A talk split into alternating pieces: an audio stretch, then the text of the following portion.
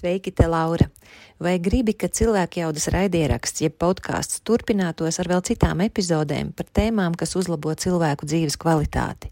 Ja jā, tad lūdzu palīdzi mums atrast cilvēku jaudas auditorijai piemērotus reklāmdevējus, kuri saprota, cik vērtīga būtu viņu sadarbība ar cilvēku jaudu. Mums tā būtu iespēja sekt regulāras izmaksas, kas saistītas ar jaunu epizožu veidošanu un nodrošināšanu cilvēkiem, lai visiem bez maksas ir pieejama noderīga informācija, kas uzlabo dzīves kvalitāti un palīdz ieraudzīt jaunas iespējas un risinājumus. Ja gadījumā tu esi no reklāmas aģentūras vai tam līdzīga uzņēmuma, tad varbūt tu vari mums palīdzēt ar ieteikumiem un idejām, kā mēs varam sastapt īstos uzņēmumus, kuri būtu priecīgi par sadarbību ar cilvēku jaudu. Mēs meklējam risinājumu, kurā visi iesaistītie ir ieguvēji. Kad apkārtējie jūtas labāk, tad dzīvojam veselīgākā un atbildīgākā sabiedrībā, un jo kvalitatīvāka tad ir cilvēku dzīve. Ja tev ir praktiski risinājumi par to, ko tikko izstāstīju, mēs priecāsimies par tavu ziņu uz info at cilvēkjauda.lv ar informāciju, kā vari mums palīdzēt turpināt šo darbu par to, ko tikko lūdzu. Sūrs darbs bieži vien ir sistēmas spiešana. Tā kā es atrodu piedurknes, un es tagad metīšos iekšā, un es spēku, es tur kontrolēšu, es zinu, kā vajag, man vajag inovāciju. Tagad man lūdzu līdz vakaram piecas inovācijas uz galda, lūdzu, ja? un neviens neko nevar izdomāt, jo visiem bail no bosa, ja? un viņi kaut kādas muļķības dara. Un nenotiek tā, kā jūs gaidat, jums ir milzīgs pārsteigums, bet kā, nu, nu es taču te visu darīju, un, un, un nekas nenotiek. Ir vajadzīga nevis tāda brutāla kontrole, bet empātiska tā pieeja, un tad tu saproti, ka tas spēka pielikšanas punkts ir pavisam citā vietā. Ja? Un ļoti bieži tā ir kaut kāda atgādna lieta, kas vispār liekas, kā tas vispār ir iespējams. Ja? Un, un to izdara, un pēkšņi tā sistēma sāk strādāt tā, kā man gribētos. Visvērtīgākā lieta pasaulē ir informācija, protams. Un, jo vairāk es zinu par to sistēmu, mēģinu saprast, kā tā sistēma darbojas. Un es redzu to laukumu ne tikai šeit, un tagad, un savā tajā beķerējā, bet es redzu to laukumu daudz plašāk. Un tur es redzu tās tendences, tas informācijas ātrums, kā mēs viņu saņemam, ir kritiski svarīgs īpaši svārstīgās sistēmās. Domāju, mums paskatītos uz tādiem ļoti veiksmīgiem uzņēmumiem, ja, kas spēj dzīvot cauri gadu desmitiem, ja, ārkārtīgi mainīgā pasaulē, ka tā atslēga ir, ka viņi ir redz to bildi, lielo bildi. Viņi saprot, kas gaida priekšā bez ilūzijām. Tie, kuri nepārvērtīsies, kas neadaptēsies, viņi aizies vienkārši pagātnes mēslainē. Cita ceļa vienkārši nav. Lai tu varētu pastāvēt un pārvērsties, tev ir jāredz visa bilde kopā, viss laukums, pat ja tev nepatīk.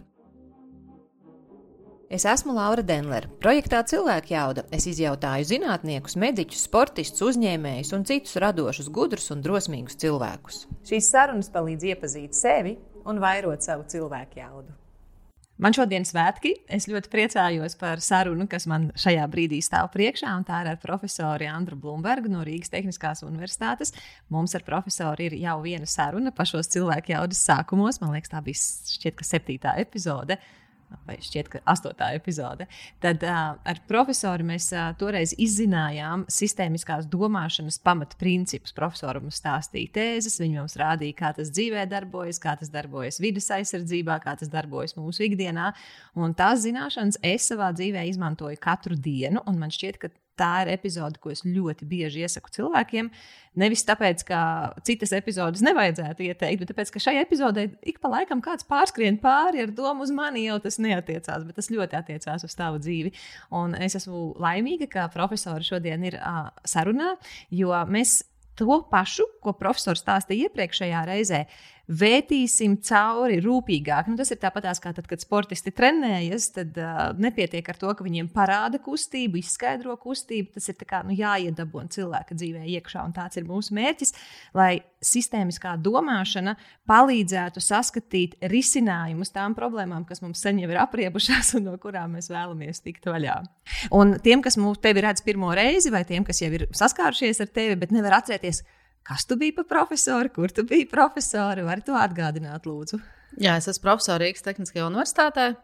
Elektrotehnikas un vidas inženierzinātņu fakultātes, vidas aizsardzības un siltuma sistēmu institūtā. Ja citiem vārdiem sakot, kad man prasa vienkāršotāk, ka, ko es daru, es nodarbojos ar vidi un enerģētiku, kā enerģētika ietekmē vidi. Nu jā, un tagad enerģētiskās krīzes kontekstā un Ukraiņas kara kontekstā tas, kas notiek, nu, tas ir tas, ko mēs principā darām visu laiku, katru dienu. Un, Tā ir gan atkarība no dabas gāzes, kas mums ir, tas ir piesārņojums, kas veidojas no fosilajiem, kā no viņiem atbrīvoties, un kas ir vēl svarīgāk, kā taupīt enerģiju. Ja, jo nav jēga ražot ļoti daudz enerģijas, lai pēc tam viņi bezjēdzīgi notērētu. Tāpēc mēs gan strādājam to, kā samazināt patēriņu, gan kā to nodrošināt vidē draudzīgā veidā. Mm -hmm.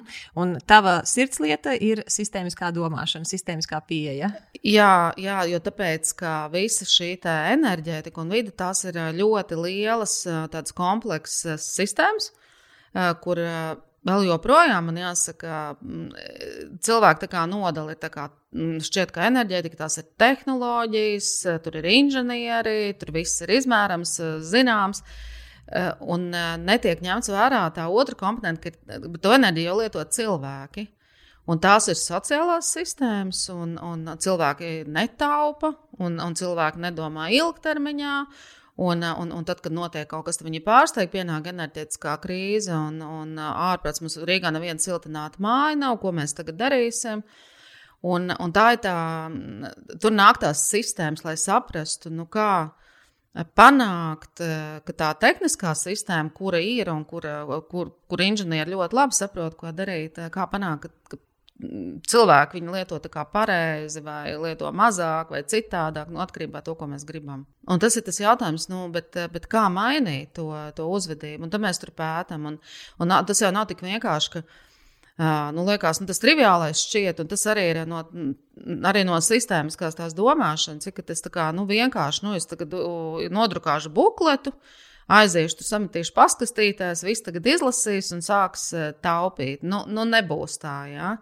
Ja arī nu, tagad ir enerģētiskā krīze, tagad viss liks saules paneļus, un nu, tagad mēs tiksim vaļā no gāzes atkarības. Uh, Nu, nav, tas nav tik vienkārši. Tur ir visādi iemesli, un, un tur ir dziļi tie iemesli, ir gadu gadiem veidojušies tie iemesli. Un, un tad mēs viņus šķetinām vaļā, mēs kā detektīvi mēģinām ieraudzīt, kas ir tas cēlonis. Un, un pats interesantākais, kā izmainīt to un ko darīt.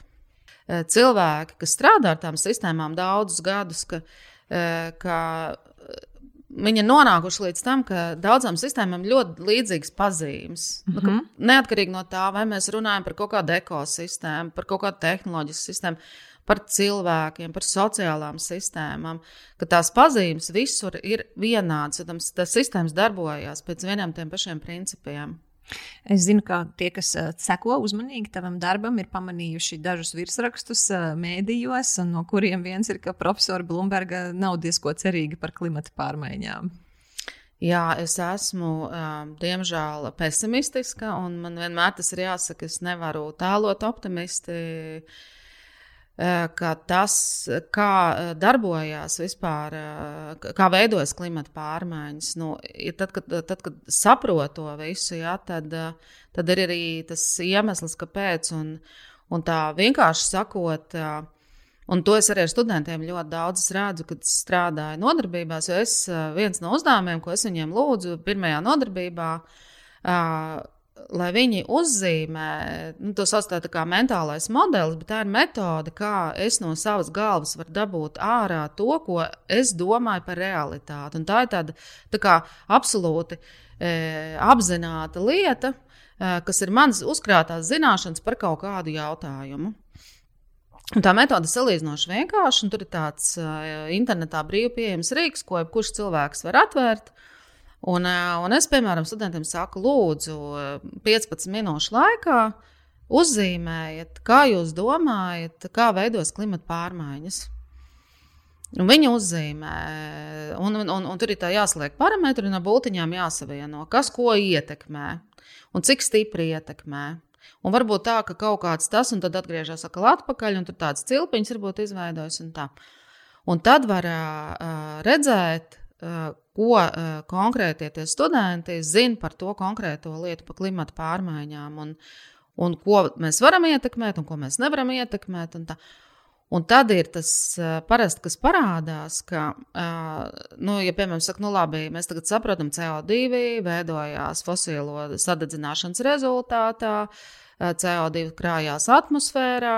Un izveidot tādu tā kā apvalku ap zemeslodi riņķī, un, un izveidot tā kā siltumnīcas, tā kā nu, nosacīt neredzam tādu stiklu vai pārvalku. Uh, Un uh, saule nāk iekšā, nu kā siltumnīcā saule mums uzsilda, bet tas siltums ārā netiek, jo tas stikls ir priekšā. Un, un tā zeme vienkārši uzsilst.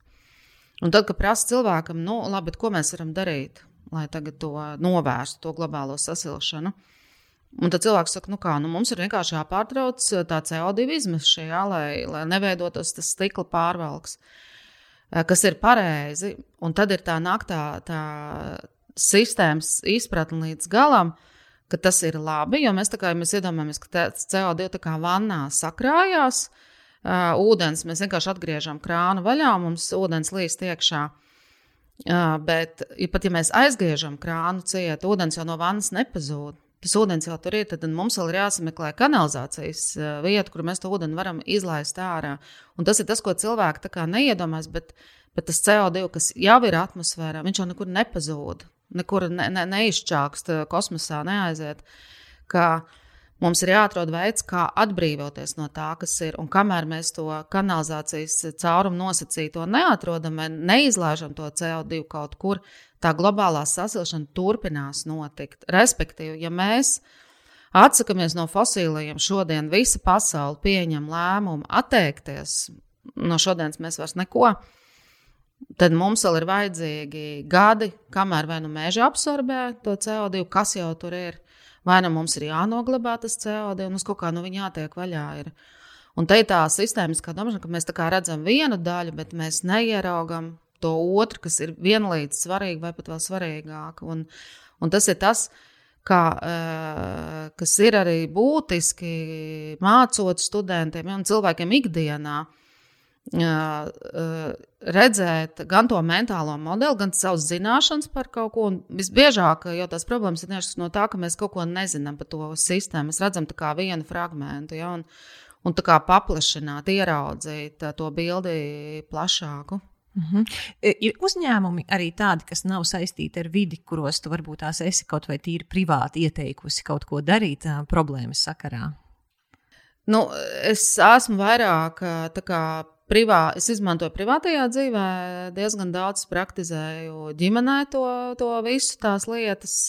Ar uzņēmumiem es nestrādāju laika trūkuma dēļ, tāpēc ka, ka tas ir. Tas, tas ir vesels nozare, jo tie, kas ir tie sistēma dinamiķi, kas nodarbojas šīm lietām, ir liels tāds, nu, varbūt ne liels, bet biznesa atzars, kur, kur ir konsultanti, kas strādā ar šo metodi biznesā ļoti veiksmīgi. Nu, klasiski tas, ka nu, ko biznesa netiek galā, kur, kur palīdz šī metode, tā sistēmiskā domāšana, ir, ka ir uzņēmums, kuram ir noliktava. Kurš ražo kaut kādas preces, un viņam ir kaut kāds pieprasījums, un ir pieprasījums, ir piedāvājums, un, un tad viņi to noliktavu tur tā, lai var to pieprasījumu apmierināt. Un tad ir kaut kāds brīdis, kad tas noliktavas apjoms sāk svārstīties. Tad tā noliktava ir pilnīgi tukša. Uh, Tad tajā noliktavā vairs nav vietas, un uz ielas ir jākrāj. Tad atkal ir tukšs, tad viņi iet tādām svārstībām.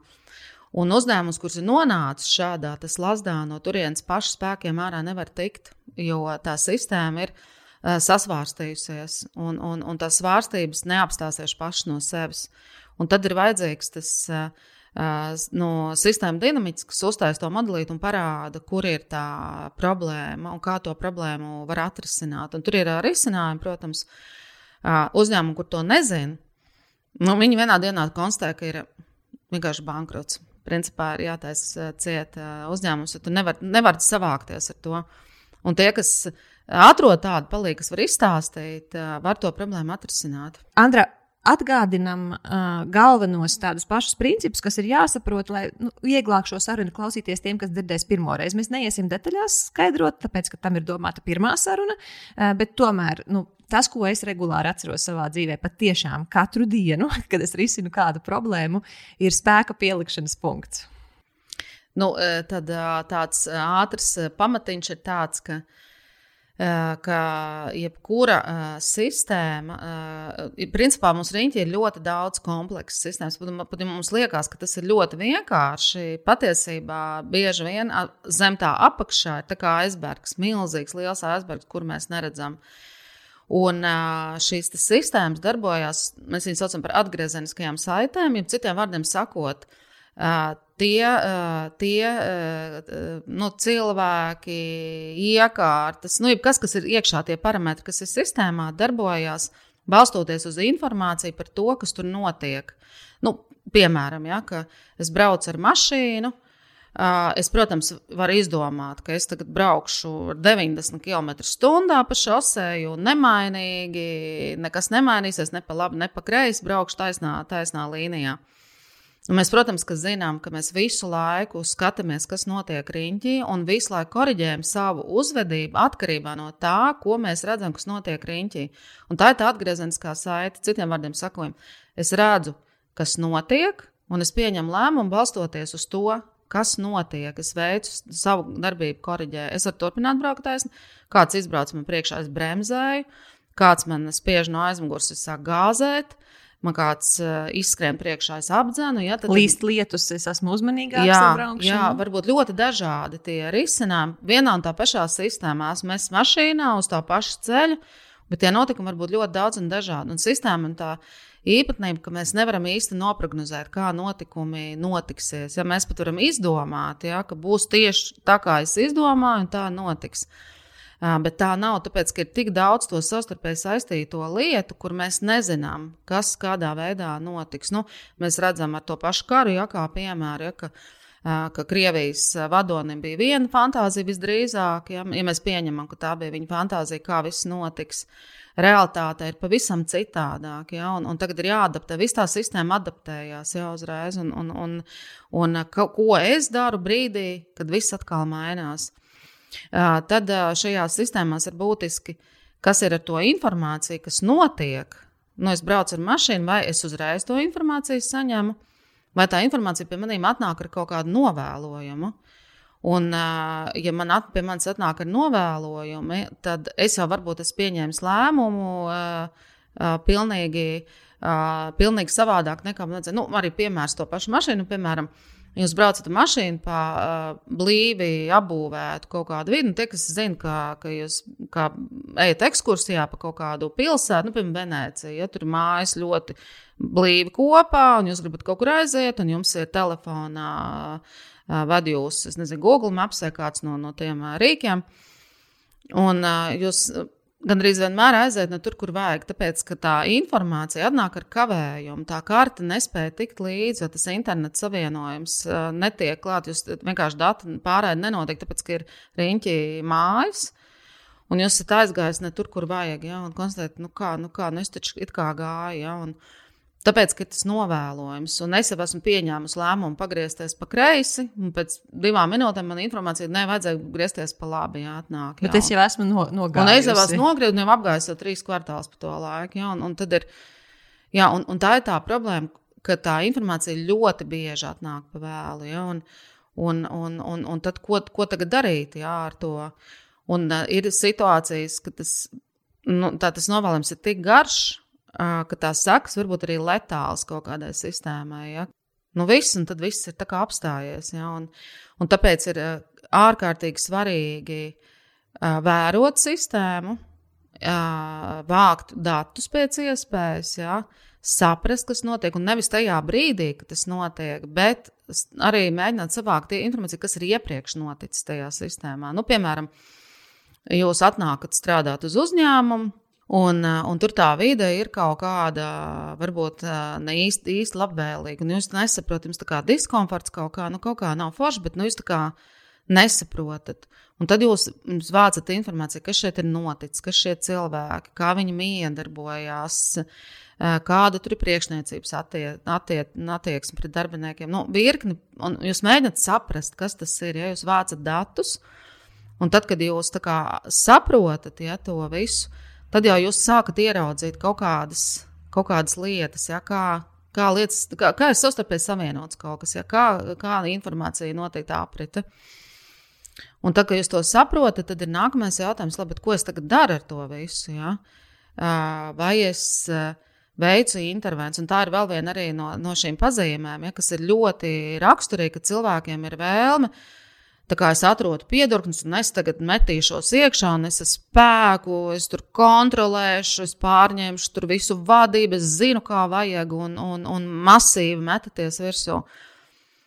Un nenotiek tā, kā jūs gaidat. Jums ir milzīgs pārsteigums, bet kā nu, nu es taču visu darīju, un, un, un nekas nenotiek. Ir pretdarbība no darbiniekiem, priekšniecībai jā. arī vēl kaut kas nepatīk. Jā, tad ir ārējie jā. vēl kaut kādi notikumi, piemēram. Jā, un, un, un, un vairs neko nevar saprast. Ja? Un, un tā ir arī viena tāda būtiska lieta no, no visiem šiem te daudzu gadu desmitos krātās pieredzes, ka ir vajadzīga nevis tāda brutāla kontrole, Bet nu, moderni vārdiem runājot, tā kā empātiska tā pieeja, ka tu saproti un iedzīvojies tajā visā un mēģini saprast, kas notiek empātiski, ja? kā jūtas tas, kā, ko dara tas. Ja? Un, un tad tu saproti, ka, ka, jā, ka, ka tas spēka pielikšanas punkts pavisam, pavisam citā vietā. Ja? Un, un tā ir tā grūtība, ko nevar redzēt acīm redzami. Ja? Un, Un jo vairāk to sistēmu pēta un saprot, kā tas darbojas, jo vairāk ir skaidrs, ka,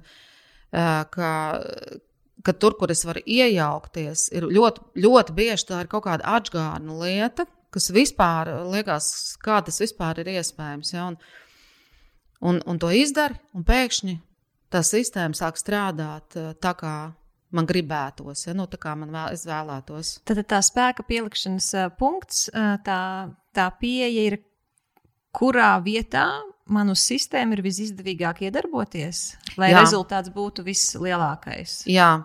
Un, tas, un, un tur ir tā, tā ir tā varbūt lielā grūtība, kas nav acīm redzama, ieraugāma, ka, ka tā vieta ir kaut kur dziļi noslēpusies. Ka viņi ir pavisam kas cits nekā mēs jā, domājam. Jā, un, un gandrīz vienmēr tas ir pilnīgi neticams kaut kas tāds. Un, un tas parasti ir vienkārši, kas ir tas paradoks.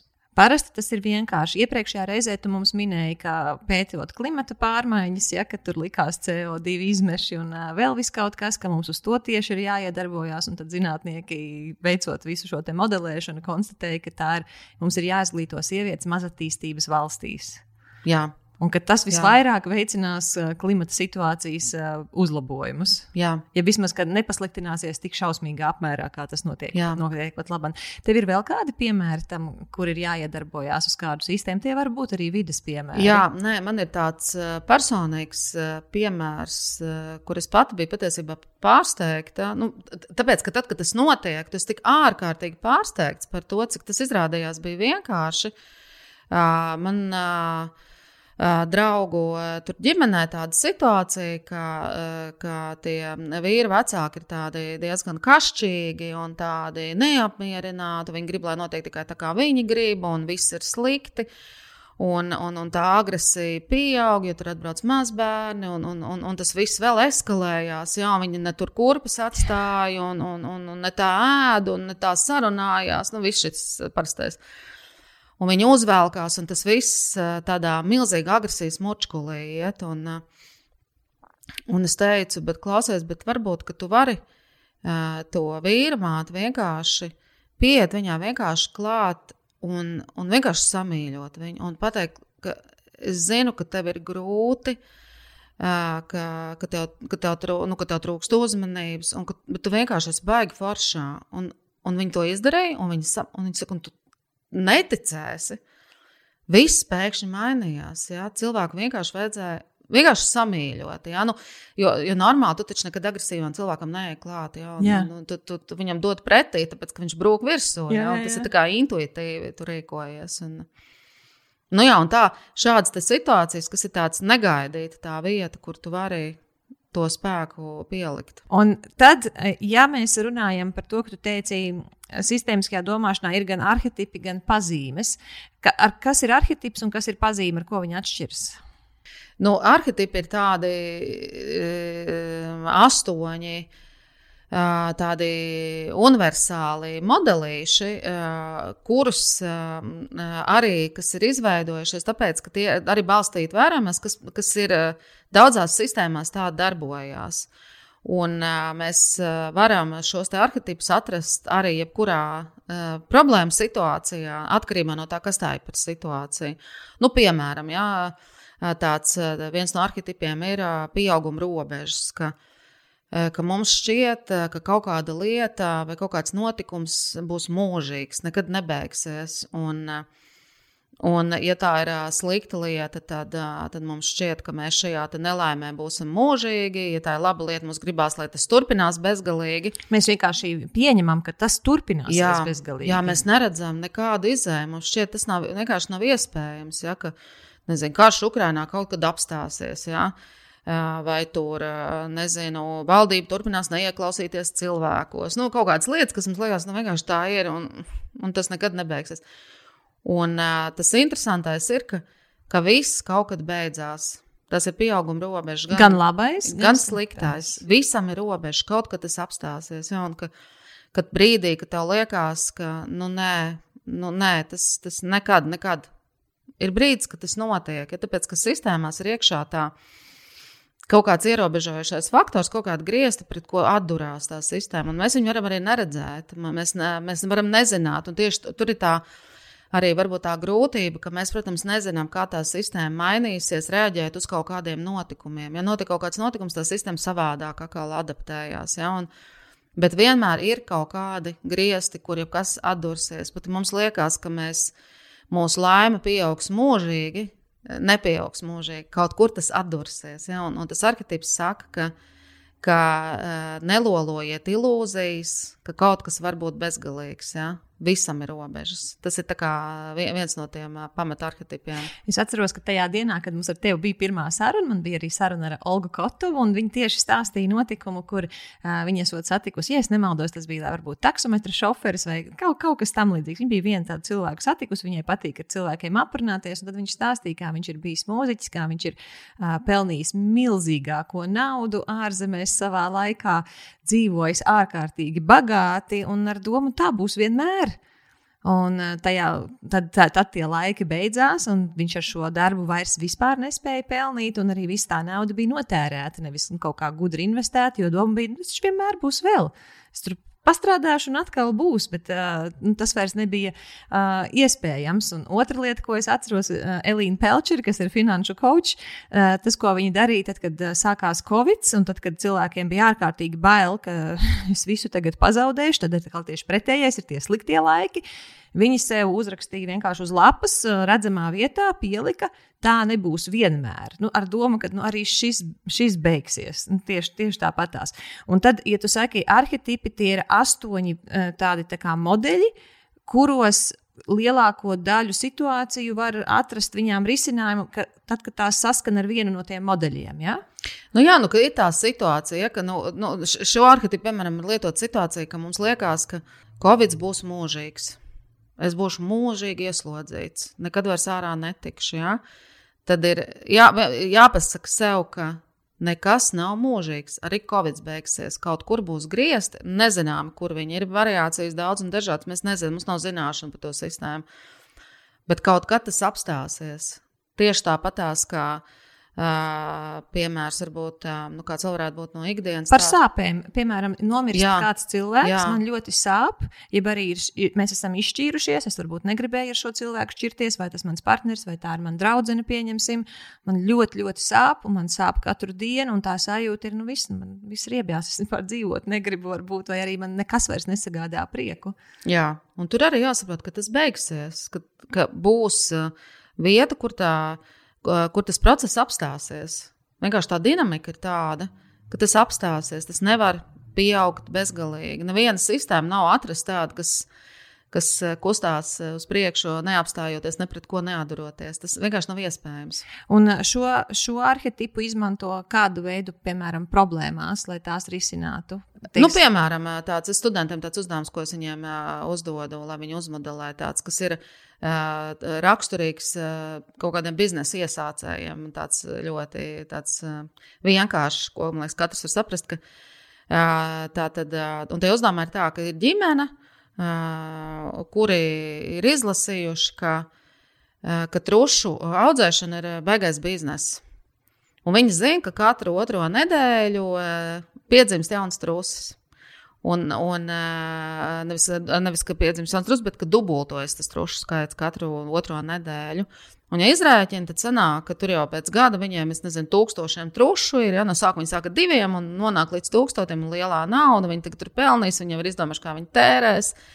Viņi aizbrauc uz laukiem ar diviem trušiem. Un uh, pēc gada viņiem ir uh, kaut kādi 200 truši, un vairāk par 200 viņi nevar. Nu, vienkārši nav vairāk par 200 nekādā veidā. Tā sistēma ir atcitusies pret griestiem, jo viņi nav vē, ņēmuši vērā būtisku faktu, ka trušu uh, populācija ir atkarīga no barības bāzes, cik daudz ir ko viņiem ēst, un teritorijas un ūdens, ko viņiem dzert. Un, ja, ja tur nav kaut kāda bezgalīga sāras, kur tie truši var baroties, un tas nav iespējams, jo mana teritorija ir ierobežota, tad tā teritorija var uzturēt maksimāli 200 trušus, jo katrs nākamais dzīvo badā, un tai sistēmai vienkārši ir robežas. Ja? Bet, uh, Bet, ja cilvēks to nezina, vai viņš ir savā fantāzijā, viņš jau redz uh, lielos miljonus, ja kā viņš būs nopelnījis, viņš vienkārši neparedz to. Viņam ir milzīga vilšanās. Nu, šajā gadījumā tā ir vilšanās. Ja? Covid gadījumā tā ir laime, ka tu tiec ārā. Ja? Nu, tas ir nu, kāda, kāda tā situācija. Jā, man liekas, ka tā otra, otra puse, kur liekas, ka šīs sāpes nekad nebeigsies, kad mums arī šķiet, ka man sāpēs eh, tāpat eh, vai vēl vairāk katru dienu, un ka man labāk nekādīgi nekļūs, bet arī, mēs skatāmies uz ķermeni, mēs pierodam pie daudzām lietām. Tas, kas bija sāpīgs, nu, piemēram, skatās uz cilvēkiem ar chroniskām slimībām, kur, teiksim, sākoties tiem, eh, tiem simptomiem, tas bija ļoti, ļoti grūti. Tas joprojām ir grūti, bet tas vairs nav tik neizturami. Nu, cilvēks jau atrod veidu, kā viņš ar to uh, var sadzīvot. Ja arī, teiksim, saņemot ziņas, ka ir ģimenē kādam kaut kāds ļoti liels veselības izaicinājums, un tas mums visiem ir ārkārtīgi grūti. Ja viņiem pēc vairākiem gadiem jautā, kā ir, nu, viņi neteiks, ka ir viegli, Bet viņi teiks, ka mēs esam iemācījušies ar to sadzīvot. Līdz ar to tas sāpju apjoms nav palielinājies tā, bet uh, ir sistēmā ienākuši varianti, kā man kļūst vieglāk ar to. Vai nu tie ir vēl kaut kādi medikamenti, vai arī mēs kādreiz varbūt kaut kādas lietas darījām nepareizi, tagad mēs viņus darām efektīvāk, un līdz ar to tāpēc nav tādu ciešanu, vai arī mēs beidzām turprātā tik ļoti trakot un psihot, un mēs ļoti pragmatiski kaut kādām lietām pieejam. Tas ir nu, tas, tas, ko es nu, ja, kā adaptējās sistēma, kā sistēma adaptējās, ja, kā, kā to pieaugumu bremzē. Ja? Bet tagad, tevī klausoties, mums būs tā, nu, bet tad jau klimats nevar pasliktināties mūžīgi. Klimats ne, nevar pasliktināties, jā, tā ir, nevar pasliktināties, bet jautājums, kas notiks, ja, kur tas apstāsies un kādas būs tās sekas ja, tajā brīdī, kad, kad atdursies. Ja, Vai nav notiks? tā, ka klimats var, nepasliktināsies mūžīgi, bet pasliktināsies aiz cilvēka spējas dzīvot uz jā, planētas? Jā, jā tā, tā ir tā liela, tāpēc, ka no. Uh, dzīvot uh, nu, siltumnīcā, ja, kur saules intensitāte nu, vienkārši nu, pieaug. Ja, un paliek ar vien karstāks un karstāks un karstāks. Ja, nu, jo kas notiek pie, tā, pie tāda karstuma? Ja, nu, uh, tas, ko mēs redzam, izžūst upes. Ja, Tas nozīmē, ka nav ūdens apgāde, mēs nevaram neko audzēt. Tas nozīmē, ka nav pārtikas. Uh, Uh, tas nozīmē, ir, uh, mēs nevaram saražot varbūt enerģiju, ja mums ir hidrostacijas. Uh, tas ietekmē ūdens aprits ciklu, kas nozīmē, ka arī mainās visi procesi dabā, kas ir tātad arī vēja, tā skaitā. Mums vēja ģeneratori varbūt negriežās vairāk. Uh, tad kas notiek tur, kur ir ūdeņi? Uh, nu, Latvijā bija, mēs pagājušajā gadā braucām ar laivām, kad bija tā karstā nedēļa. Uh, tad uh, upe, kas ir neliela izmēra upīte, izskatījās kā zivju zupa. Burtiski, ja tāpēc, ka zivis uh, nevar tādā ūdenī dzīvot, viņas nav vienkārši paredzētas. Un viņas peldēja visu vēderiem augšā, un burtiski bija pilna upe ar zivīm, ja, jo, jo, jo tik ātri adaptēties viņas nespēja. Ja nav zivju, tad parādās aļģis. Ja parādās aļģis, tad tas aizaug, tad vide kļūst toksiska. Uh, ņemt ūdeni no toksiskas vidas cilvēkam ir bīstami. Un, nu, jā, un visi šie procesi, ja, kas sāk notikt, un cik tā vide vispār ir dzīvojama vairs pēc tam. Ja, un, un, un vienā brīdī tā sistēma apstājās, ka vienkārši vairs nav neviena, kas piecūko. zeme, varbūt nezinu, aizāk ar kaut kādiem mežiem, aļģiem, kas absorbē to CO2, ja, jo aļas absorbē ļoti daudz CO2. Uh, absorbē, un tad vienā brīdī tā sistēma, kad vairs nav CO2 radītāji, CO2 ir absorbēts, viņi atkal atgriežas kaut kādā sākotnējā stāvoklī. Uh -huh. Labi. Tad arhitekti ir, es piemeklēju, kura veida no tiem modeļiem atbilstu manai risināmajai situācijai. Jā, es vienkārši atpazīstu situāciju. Tā tad, ja man ir situācija, kur es gaidu, kad manas ciešanas, kad es domāju, ka manas ciešanas būs nebeidzamas, es zinu, ka ciešanas beigsies. Vienkārši tāpēc, ka jebkas beidzās. Ja man ir ilūzija, ka Eh, es nemaksāju, piemēram, eh, nodokļus, un es visu mūžu, kad šim cilvēkam prasa, kā tu dzīvos vecumdienās, ka tu nevarēsi strādāt. Viņš saka, es strādāšu līdz mūža galam. Un viņš tā kā nesaprot, ja, ka arī viņa darba spējas kaut kad izsīks, ja, un tu neesi gatavs šai situācijai. Ja, un, un tas ir brīdis, kad kaut ko apgalvo, ka es darīšu līdz mūža galam, tad eh, jautājums, nu, vienkārši jāsaprot, ja, ka kaut kur kaut kas, nu, ka viss kaut kur beidzās. Ja. Tas ir tas arhitekts brīdī, kad, kad ir kaut kāds pieaugums vai kaut kāds samazinājums, kur mēs neredzam beigas tam stāstam. Mm -hmm. Bet viņš kaut kad būs, kaut kādā veidā viņš parādīsies. Un ko darīt tajā situācijā, kur, piemēram, uzņēmums grib pelnīt naudu, un tu teici, nu visam ir griezti. Tad, tad vienā brīdī es šo naudu vairs nespēju pelnīt. Tad man ir jārēķinās, ka es te vairs nespēju pelnīt, un viss, ja varbūt ir vēl kaut kādi veidi, kā, kā mēs varam ieraudzīt, kā tad ir iespējams pelnīt, neskatoties uz to, ka uzņēmums sasniedz savus griestus pelnīšanas ziņā. Nu, jautājums, kas te pa grieztām? Nu, es uzreiz iedomājos uzņēmumu, ka Teiksim, būvniecības. Jā, nu, kaut kāds, nu, tur var būt, ka tirgus piesātinās. Jā. Jā, vienkārši nav vairāk ko būvēt. Viss ir apbūvēts. Nu, mēs vēl uz augšu varbūt būvēt, ja, bet uz sāniem mums vairs nav kur būvēt. Tie ir griezti, ja, kur vairāk nav. Citās valstīs mēs nevaram ieiet, tur, tur ir kaut kāda ierobežojuma, kur mums neviens tur negaida, un, un, un viss. Nu, kaut kāds lokāls bizness, nezinu būciņu cepējiem, nu, tik būciņu ēdāja, cik viņi ir. Ja? Un mums jāsaprot, ka kā mēs sākam dzīvot veselīgāk, tad būciņēdē vēl samazināsies, kas būs tie griezti vēl straujāk, varbūt pienāks nekā mēs varbūt bijām aprēķinājuši sākot to biznesu. Uh, tikpat labi tie var būt konkurenti, kas mums tos griestus uzliek. Ja? Jo nu, nav neviena biznesa, kur es esmu viens pats unikāls, un man neviens neko nenošpikos. Nu, Jautājums reāli. ir tikai kad, nevis vai. Jā, Un tie, tie ir atkal tādi griezti. Un, un, un tāpēc tā fantāzija par to, ka, uh, nu, nu nezinu, ka es būšu pasaules valdnieks un piederēs viss, ja, nu, tas nav iespējams. Tāpēc, ka ļoti daudz citu tajā sistēmā iekšā, tāpēc es varēju to sistēmu redzēt plašāk, ja, ka, ka ne tik šauri no tikai no tās sava šaurā skatu punkta, bet tiklīdz es pavaru vaļā, es ieraudu, oi, cik daudz visādas citas lietas, kas, kas ietekmē arī mani īstenībā. Un tad kāds būtu risinājums tam, piemēram, būvniecības uzņēmumam, kurš sasniedz savus griestus, lai tomēr nu, peļņu palielinātu? Nu, tad, ja, ja, ja mēs ņemam, ka tirgus ir piesātināts, nu, tad ir kaut kas cits jādara. Vienkārši kaut kāds cits biznesa jāmeklē. Tad, tad es nevaru būvēt vairs, jo tas tiešām ir piesātināts, bet jā. tas nenozīmē, ka man beidzās iespēja pelnīt. Man vienkārši jā, jāpaskatās, jā. Kas, kas vēl ir. Jā, un tāpēc tas ir svarīgi, protams, ka to saulēcīgi mēs redzam. Ja, mēs nevis akli ejam uz to um, ilūziju, ka, ka būvniecība būs mūža, nu, bezgalīga. Mēs varam, nezinu, to, tas nekad nebeigsies. Ja. Bet mēs jau saulēcīgi zinām, ka, ka tas beigsies, un ko mēs tad darīsim. Jā, tā kā ar to mūziķi, jā, ka, un ko es darīšu, kas nu, ka man balss saita pārtrūks. Nu, es nezinu, vai balss aizsmaks vai nu, aiztaisīs tās robežas cietajās valstīs. Nu, jā, jā, man vienkārši policija vairs neļaus uz ielas dziedāt, pieņems likumu. Nu, ko es tad darīšu, kāds man ir plāns B? Un tāpēc ir tā saulēcīgi zinot šo arhitektu un vispār to, kā, kā notiek, jau domāt uh, uz priekšu, ko, ko tad es darīšu. Ja? Ko es darīšu, ka, man, ka konkurence mani izspiedīs. Ja? Bet, lai varētu to sameklēt, nu, pieņemsim, tie, tas pats būciņu cepējs.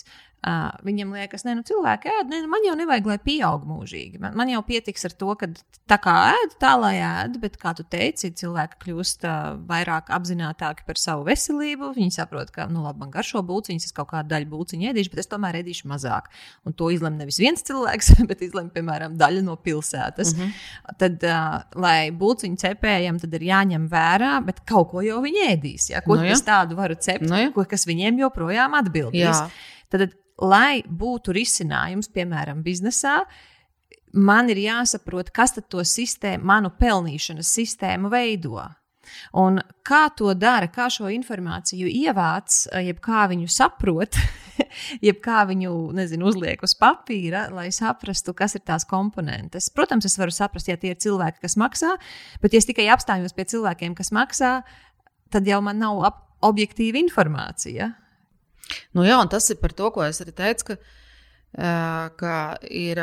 Jo vairāk es zinu par to sistēmu, nu kā visvērtīgākā lieta pasaulē ir informācija, protams. Un, jo vairāk es zinu par to sistēmu, jo vairāk es viņu izzinu, es mēģinu saprast, kā tā sistēma darbojas, kas dzen uz priekšu to, ka uh, ka manu biznesu apdrauda dietologi. Manu biznesu apdrauda kaut kāds uh, farmu biznesa ar kaut kādiem mākslīgiem vitamīniem. Uh, manu biznesu tur apdrauda populācijas samazināšanās kaut kādā, pieņemsim, valsts politikā, ka uh, maksāt spējīgie cilvēki no Latvijas aizbēga, piemēram. Tātad apdraudējums nāk vēl no kaut kādas vietas. Uh, un es saprotu, un es redzu to laukumu ne tikai šeit, un tagad, un savā tajā beķerējā, bet es redzu to laukumu daudz plašāk. Nu, tā vienkārši, ko, ko cilvēkā elpoja, kas notiek. Un es lasu, un lasīšana, protams, ir ļoti svarīga. Es saku, un es nevis kaut kādu informācija, ko man piedāvā kaut kāda sociāla tīkla, kas ir burbulis, kur, kurā man, man vēlamo informāciju piedāvā, bet es interesējos plašāk, ja es lasu daudz vairāk, es interesējos. Un, un tur es redzu tās tendences, un es saprotu, ka jā, man, man ir manas būciņu cepēja prasmes, kuras esmu noslīpējis, un ēst gatavošana ir mans sirdslieta, man, man ārkārtīgi tas patīk. Uh, Nu, kāpēc es nevarētu, nezinu, būciņu vietā piedāvāt tur kaut kādus, nezinu, salātus, eh, baigi foršos? Ja? Un es vienkārši vēroju to sistēmu. Es neju uz valdību un nesaku, klausieties, kas ir šie likumi, kāpēc mani klienti aizbrauc. Es nespiežu uz valdību burtiski, tāpēc, ka es neko izspiest tur varbūt nevaru. Es uh, neskrienu virsū dietologiem, es necīnos ar farmu biznesu. Ja? Uh, Bet es vēroju to sistēmu, un es adaptējos, un es mēģinu saprast, kā es varu tajā sistēmā uh, iedzīvoties un dzīvot ar to sistēmu kopā. Viena supervērtīga lieta no tevis teiktā, starp daudzām, bija par sociālo tīklu burbuli. Ka tātad tu teici, jo vairāk es to sistēmu zinu no tā, ka jo vairāk informācijas ir manā rīcībā, bet tu parādīji, ka reizē mums ir ilūzija par to, ka man ir pietiekami informācijas, ja es nepamanu, ka es esmu sociālajos tīklos.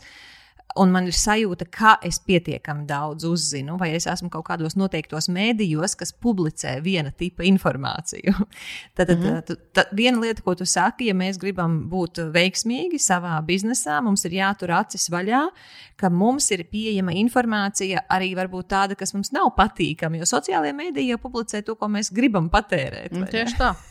Nu, ja, un, un tas ir tas, uh, arī tā kritiskā lieta, ka uh, ka ir jādomā tā kā plaši. Ja? Un mēs arī, es domāju, mēs paskatītos uz tādiem ļoti veiksmīgiem uzņēmumiem, ja? kas spēj dzīvot cauri gadu desmitiem, ja? ārkārtīgi mainīgā pasaulē, ka tā atslēga ir, ka viņi redz to bildi, lielo bildi. Viņi saprot, kas gaida priekšā bez ilūzijām. Ja? Viņi redz, ka, eh, ka eh, stacionārie galda telefoni pēc desmit gadiem nevienam nebūs vajadzīga. Un es nevis vienkārši stūrgalvīgi turpinu viņus ražot uh, līdz pēdējiem telefonam, bet es meklēju, uzreiz skatos, kur es uh, tajā jaunajā lietā, kas nāk, kas ir nezināma, kur, kur būs mana vieta un kā es tagad ar savām kompetencēm nu, transformēšos uz to jauno sistēmu. Ja, un, uh, Un, nu, jā, un tieši tāpēc tie sociālie burbuļi nepalīdz. Un es, es gribētu domāt, ka tie cilvēki, kuri,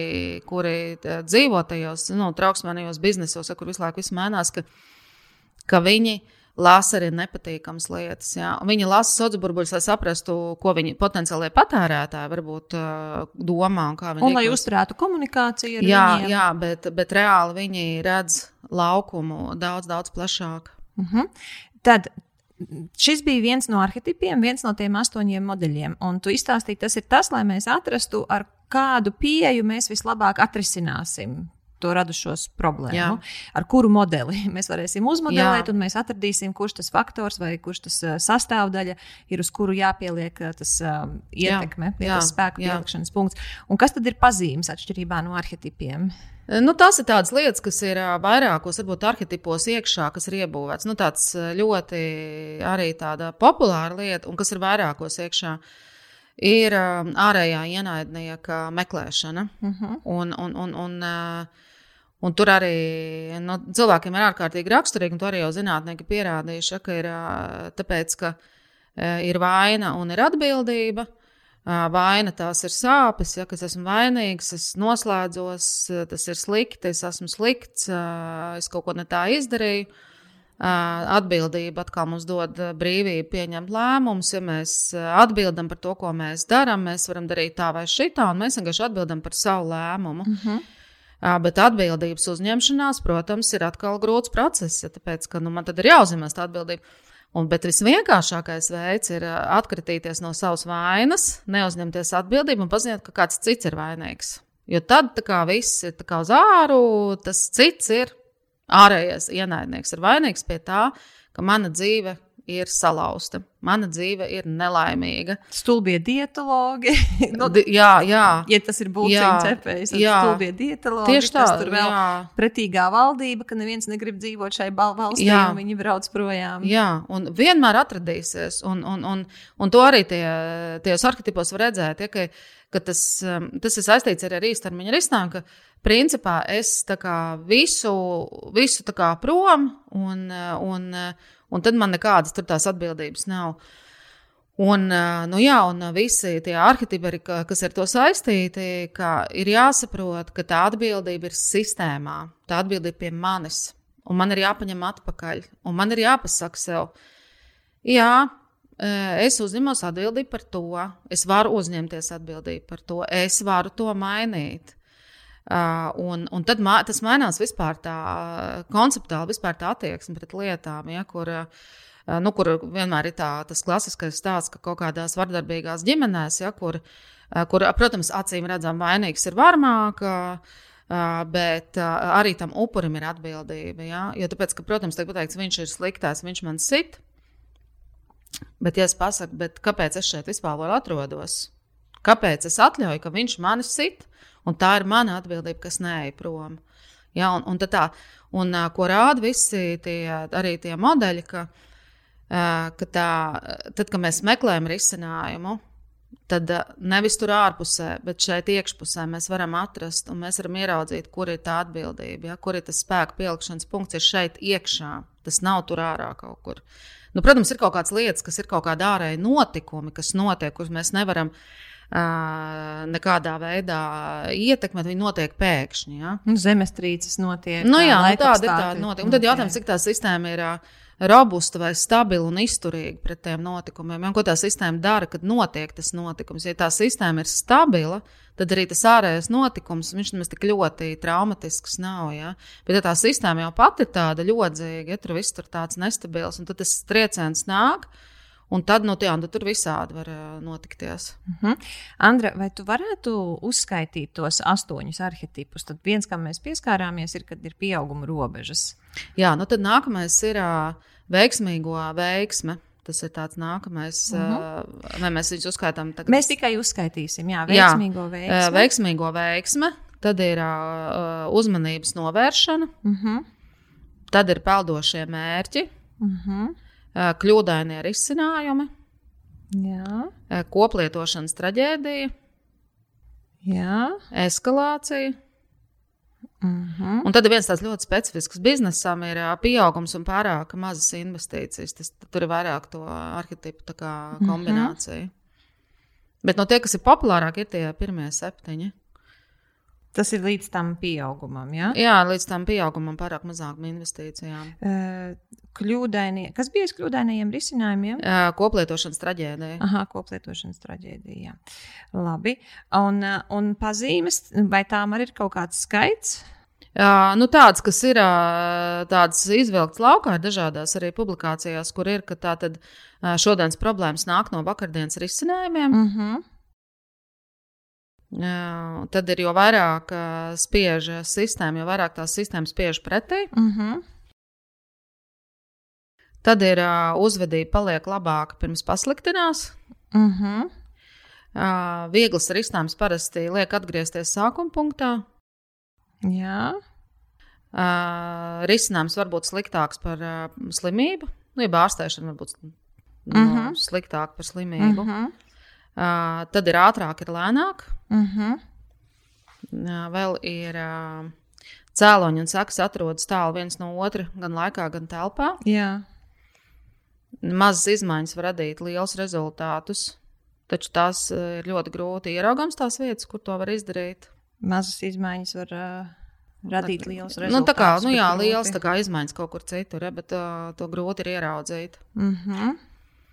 jā, tad ir vainu vainu izvēle. Jā.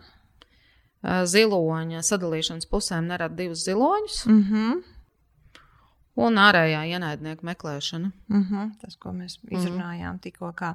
Tad, kā notiek tas darbs? Uh, viens ir caur arhitipiem, es piemeklēju, kura veida to matemātisko modeli mēs izmantosim, lai šo problēmu risinātu.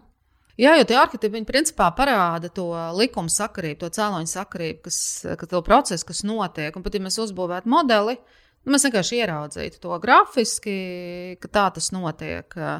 Jo tas arhitekts vienkārši parāda, ka, nu, piemēram, veiksmīgo veiksmu, ko parāda. Ka, ka ja mums uz starta līnijas stāv pilnīgi vienādi, nu, piemēram, cilvēki. Nu, viņi, nu, nav nekādas atšķirības. Ja? Viņi vien, vienlīdz gudri, fiziski attīstīti, viss ir vienāds. Un vienam mēs iedodam vairāk resursus starta brīdī.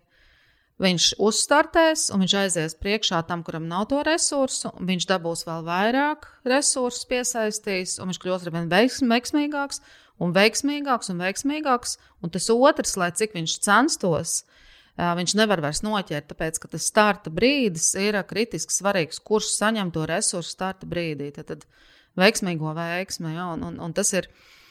Jā, piemēram, globālā kontekstā es tikko biju konferencē, kur tika runāts par to, kā vispār par, kā pasaulē ir sadalījusi nu, tā, nu, par globālo taisnīgumu vai netaisnību, ja, kas ir ļoti daudz konfliktu pamatā. Ka, ka te bija ka ļoti svarīgi tas starta brīdis, jā, kur kurš startē, kura nācija, kurā brīdī atradās, kad, kad sākās industrializācija. Mm -hmm. ja, principā, un ka tie ir, kā, viņi ir privileģētāki, un ka tās privilēģijas vairo nākamās privilēģijas, un ka, ka viens cilvēks, kas ir piedzimis bagātā anglosakšu ģimenē, kurā ir uzkrāti miljoni un miljardi, tāpēc ka viņi bija brīdī klāt, kad tos resursus sāk dalīt. Un pretī ir viens cilvēks no Ķīnas, kas ir piedzimis Ķīnas laukos. Ja, un, un ka, ka viņu tie starta punkti, viņi piedzimst vienā dienā, vienā laikā. Kāda, kuram ir iespēja kaut kur dzīvē tālāk tikt, jā, lai cik tas ķīnietis sasprindzinātos, lai cik viņš būtu talantīgs un ģeniāls, pretī ir šis privileģētais cilvēks. Ja, un, Un citiem vārdiem sakot, kāpēc tas ir svarīgi, nu, kur cilvēks tāds ikdienā to var redzēt, ja, ka, ka jūs strādājat esat vadītājs, un jums tagad ir divi kandidāti, un jums ir jāizdo, jā, jāpieņem lēmums, ko darīt. Un ja jūs tik līdz vienu kā, vairāk no atbalsta palaižat, viņš aizies, un viņš piesaistīs vairāk, un tas otrs kā, netiks līdzi. Ja, nu, ko, ko viņš tad darīs tajā uzņēmumā? Tad ir jautājums, jau, kādā veidā tas notiks. Ja. Es nesen klausījos interviju ar Malkolmu Gladvelu, uh, kurš ir, manuprāt, ļoti labs autors. Viņam ir grāmata Outliers un Tipping Point. Nu, tādas tiešām grāmatas, kas liek aizdomāties. Un, ja nemaldos, viņa intervēja Riču Rolu, Riču Rolu podkāstā. Un Malkolms Gladvels stāstīja par to, ka attiecībā uz sportu daudz tiek izdarīts pāri bērniem, kuri, teiksim, tajā nu, pašā nu, sākuma bāzē, viņu ķermenis vēl nav tik attīstīts, ka viņi vēl nevar gūt tādus panākumus, kā viņu tā paša gada citi bērni, kuriem gluži vienkārši tas ķermenis ir attīstījies ātrāk. Un ka šobrīd tā pieeja kaut kādās valstīs jau ir, ka uh, bērnus uh, ka, kaut kā viņi citādāk organizē sacensības, lai nav tā, ka uh, bērns, kas, piemēram, nu, teiksim, hokejā to īpaši var redzēt, man liekas, tas bija no Freakonomikas uh, grāmatas, ja, kur bērni, tā autora sieva bija pamanījusi, ka tad, kad viņi aizgāja uz kaut kādām hokeja sacensībām, ka gandrīz visi tur dzimuši janvārī ir, nu, kas likās tā, nu, tā neparasti. Un tad sāka pētīt, ka nu, jā, bērnam augot, tas, kurš ir dzimis janvārī, ir gandrīz pa gadu vecāks nekā tas, kurš ir dzimis decembrī vai arī, nu, arī oktobrī. Pietiekami liela tā atšķirība ir. Un rezultātā to liekas, ka to potenciāli parāda nu, šis bērns, bet vienkārši viņš ir lielāks, vai viņš ir spēcīgāks, vai viņš ir ātrāks. Bet ir jau arī bērni, kas varbūt tās, pat ja viņš ir dzimis janvārī, viņš vēl nav tik tālu attīstījies. Varbūt tās nu, viens, kurš varbūt ir dzimis bišķiņu vēlāk, viņš attīstās mazliet lēnāk, bet ar laiku, ar laiku tas otrs jau arī attīstās, bet uh, viņam vairs nav dota iespēja trenēties. Līdz ar to viņam varbūt šajā sportā ir potenciāls, bet tas potenciāls ir uh, ticis nogriezts. Un tad uh, vēl viena vieta, par ko Glada vēl arī stāstīja, ka tas pats attiecās uz akadēmiskajiem, nevis uz skolas uh, sasniegumiem, kā šobrīd nu, pētījumi tiek veikti par to, kā notestēt bērnus. Uh, ka nevar prasīt, lai visa klase, kas principā ir viena vecuma, lai viņiem būtu vienāds tas um, gradācijas uh, viņu sniegumam, piemēram, eksāmenā kaut kādā vai ieskaitē kaut kādā. Jo gluži vienkārši vienam bērnam ir priekšrocība ar to, kā viņš ir attīstījies, lai viņam tas sanāktu, un otram savukārt nav tādas priekšrocības, un tad mēs atkal aizjām tajā, ka nē, nu man jau matemātika nepadodas. Jā, tev viņa nepadodas, ja tevi salīdzina ar to otru bērnu, kuram ir tā veiksmīgo veiksme, ja, jo viņam noveicās, ka viņa, viņa nezinu, vai ķermenis, vai tas, kā strādā viņa, viņa smadzenes, vienkārši ir tajā vietā. Un rezultātā mums patiesībā apkārt ir stipri vairāk apdāvinātu cilvēku, mums ir stipri vairāk ļoti spējīgu cilvēku, bet tieši tāpēc, ka mēs nezinām šo veiksmīgo veiksmes principu, mēs ļoti daudz uh, apzogam sevi, apzogam savus bērnus, apzogam arī savu uh, potenciālu. Jo man šķiet, ka ļoti daudzas problēmas mums vajadzēs risināt milzīgā laika posmā, un mums ir vajadzīgs, lai tie bērni, kas šobrīd ir bērni, uh, lai viņu nenoraksta, jo varbūt tieši viņa uh, izgudrojums vai viņa kaut kāds risinājums būs tas, kam pateicoties to klimata pārmaiņas varētu mainīt. Nu jā, un redz, kā tu izstāstīji to veiksmīgo veiksmības cilpu, viņi tieši tā arī darbojās. Un, un, uh, un ja to nesaprot, jā, Un tur ir sakas izstāstīja, kādas ir. Jo kas ir, piemēram, arī tā, ka tie veiksmīgie varbūt objektīvi, varbūt ir kādreiz, ka veiksmīgs ir, bet, bet bieži vien tā veiksme ir, ka es gadījos vienkārši tajā brīdī, tajā vietā, un tā ir tā mana veiksme, nevis man objektīvie rādītāji, kaut kādi parametri, ka es esmu tiešām objektīvi talantīgāks, tur gudrāks. Un tad tās sakas ir varbūt vēl trakākas, tāpēc ka tad tie, tie Pārējie. Jā, jo, jo tāpēc, ka tie, kas aizskrien pa priekšu, viņi jau īstenībā nemaz objektīvi nav veiksmīgi. Viņi vienkārši ir tur bijuši. Ja? Un, un, un tas daudzkārt ir runātājs par to, ka 90.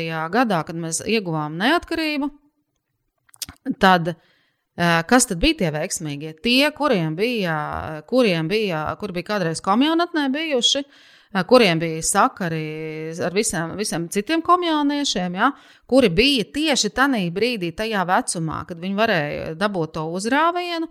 Viņi izveidoja likumdošanu, kurā viņi padarīja tad, resursus, kas bija nu, nosacīti pa brīvu, viņi viņus savāca sev un privatizēja. Un viņi noteica to, kā mēs dzīvosim. Un viņi noteica, ka visas šīs koruptīvās saites savstarpējās uh, uh, ir tās, kas nu, nu, pasaka, ka tev būs vai tev nebūs. Ja, kas principā noved pie tā, ka, ka visa tā vide. Nu, kā nu zivs pūs no galvas, jā, nu, cilvēks parastais, kas to redz un ir piedzīvojis, nu, viņam liekas, kā vispār tas ir iespējams, tad netaisnības sajūta, es negribu tajā piedalīties. Man tas ir vienalga, es vispār no, no politikas norobežojos, no visiem tiem oligarkiem un visiem pārējiem. Un, uh, Un viņš neiesaistās, viņš neiesaistās, neveidojas pilsoniska sabiedrība, kas savukārt var uh, kaut kādā veidā to sistēmu mainīt. Ja? Un tikai tāpēc, ka starta brīdī vienkārši kāds tur bija. Ja tas būtu noticis 20 gadus atpakaļ, tie būtu bijuši citi cilvēki, citā situācijā. 20 gadus vēlāk, atkal būtu citādāk. Bet viņam vienkārši noveicās. Un, nu jā, un, un tas parāda to veiksmīgo veiksmes arhetipā Eh, to mērogu un tās ilgtermiņa sekas, kas iestājās ar tam visam. Un tas mērķis jau ir ne jau tas, ka mēs tagad kritīsim virsū veiksmīgajiem un nē, teiksim, jūs nē. jau neesat nemaz tik veiksmīgi, bet es domāju, ka ir būtiski pievērst uzmanību, ka tad, kad mēs paši sevi norakstām, piemēram, es jau neesmu tik sportiska, ja? vai es tur, man nav tās matemātiskās spējas, ja es neesmu tik radoša, es tur nemāku zīmēt, vai arī, ai, nu, es jau laicīgi neizvēlējos savu profesiju. Bet uh, tieši kā, nu, paskatīties, kāds te ir risinājums. Un te tu minēji to pazīmi, ārējā ienaidnieka nav. tad, tad, ja es tagad teikšu, ah, nu, viņi tur noprivatizēja visu valsti, man jau tad vairs nav variantu. Jā, tas spēlē lomu, man ir jārēķinās ar to, ka viņi ir tikuši tālāk. Bet, ja ārējā ienaidnieka nav, piemēram, tajā, ka kādam ir ļoti forša karjera, jo viņš no paša sākuma jau, nezinu, vai ģimenes atbalstīts, vai kā atrada, ko viņš darīs, es nevaru Es varu teikt, ka man jau neviens neatbalstīja, man jau vajadzēja kulties pa dzīvi mm -hmm. kaut kā pašai, bet ņemot vērā, ka ārējā ienaidnieka nav, un veiksmīgajiem joprojām ir tā viņu veiksme, kā es varu šo situāciju risināt? Nu, es tad atkal pasaku sev, ka jā, tāda ir tā realitāte. Viņi, protams, tur ir vainīgi arī pie tā, kas notika. Protams, tur nav tā, ka viņi ir pilnīgi bez vainas, ka tā ir, bet tā bija, tāda bija tā situācija, tāds bija tas notikums. Es tur nebiju tajā brīdī klāt. Ko es varu darīt šajā situācijā? Es atkal kļūstu atbildīgs, un tas ir kā tagad, kur Krievijā notiek tā diskusija. Uh, vai Krievu tauta ir vainīga pie tā, kas ir noticis, vai viņi ir atbildīgi par to, ka, ka tas, kas ir noticis, ir noticis. Ja? Un kur jūs bijāt, un kā jūs neredzējāt, un kā jūs neko nedarījāt. Ja? Ka ir tā atbildība. Un tad es atkal skatos, ko es varu darīt. Es varu, protams, iet, stāties pretī, organizēt pilsonisko kaut kādu kustību, tur organizēt, stāties pretī, ja, neļaut viņiem tos resursus arvien vairāk sagrābt. Uh, nezinu, veikt izmeklēšanu, tur varu panākt viņus sodu, viņus liekt cietumā. Nu, tas, ko mēs arī redzam, kas notiek, ja tā sabiedrība attī, attīrās no tā visa. Ja, tā negodīgā veiksme, ja, principā mēs vienkārši pasakām, ka mums tas nedara, mēs vienkārši to varam darīt. To var darīt arī, nu, labi, tā ir, bet, bet tad es. Uh, Nu, jā, nu, ko es, nu, es varu uh, savu veiksmu būvēt citādāk, ja meklēt kaut, kur, kaut kādu citu veidu, un es vienkārši veiksmu būvēju neatkarīgi no tā, kā viņi tur tos resursus sadalīja. Ja man ir mana galva, man ir manas kompetences, ja, un es, es vienkārši ņemu un daru. Ja. Bet nu, lielākā daļa vienkārši no, tur ir tie vainīgi. Visi es vispār neko, viss esmu bezcerības valdība slikta, viss ir slikti, man dzīve ir slikta un viss ir slikti. Jā. Un vēl viena tendence man šķiet, ka attiecībā uz veiksmīgo veiksmi, kas man liekas ir vērtīga, kas ir parādījusies, kad rāda, nu jā, Bills Gates, uh, Steve Jobs, kas uh, radīja šos te, mon, nu, pozitīvā nozīmē monstrus tehnoloģiskos, ka Tur arī lomu spēlē veiksmīgo veiksmi. Tur var paņemt ļoti dažādus uh, uzņēmējus, vai varbūt arī pat sportistus tā. Bet uh, tad viņi uzraksta grāmatu, jeb tad par viņiem uzraksta grāmatu, tad kāds viņus tur varbūt pēta un rāda, te ir tas, kā viņš sasniedza panākumus.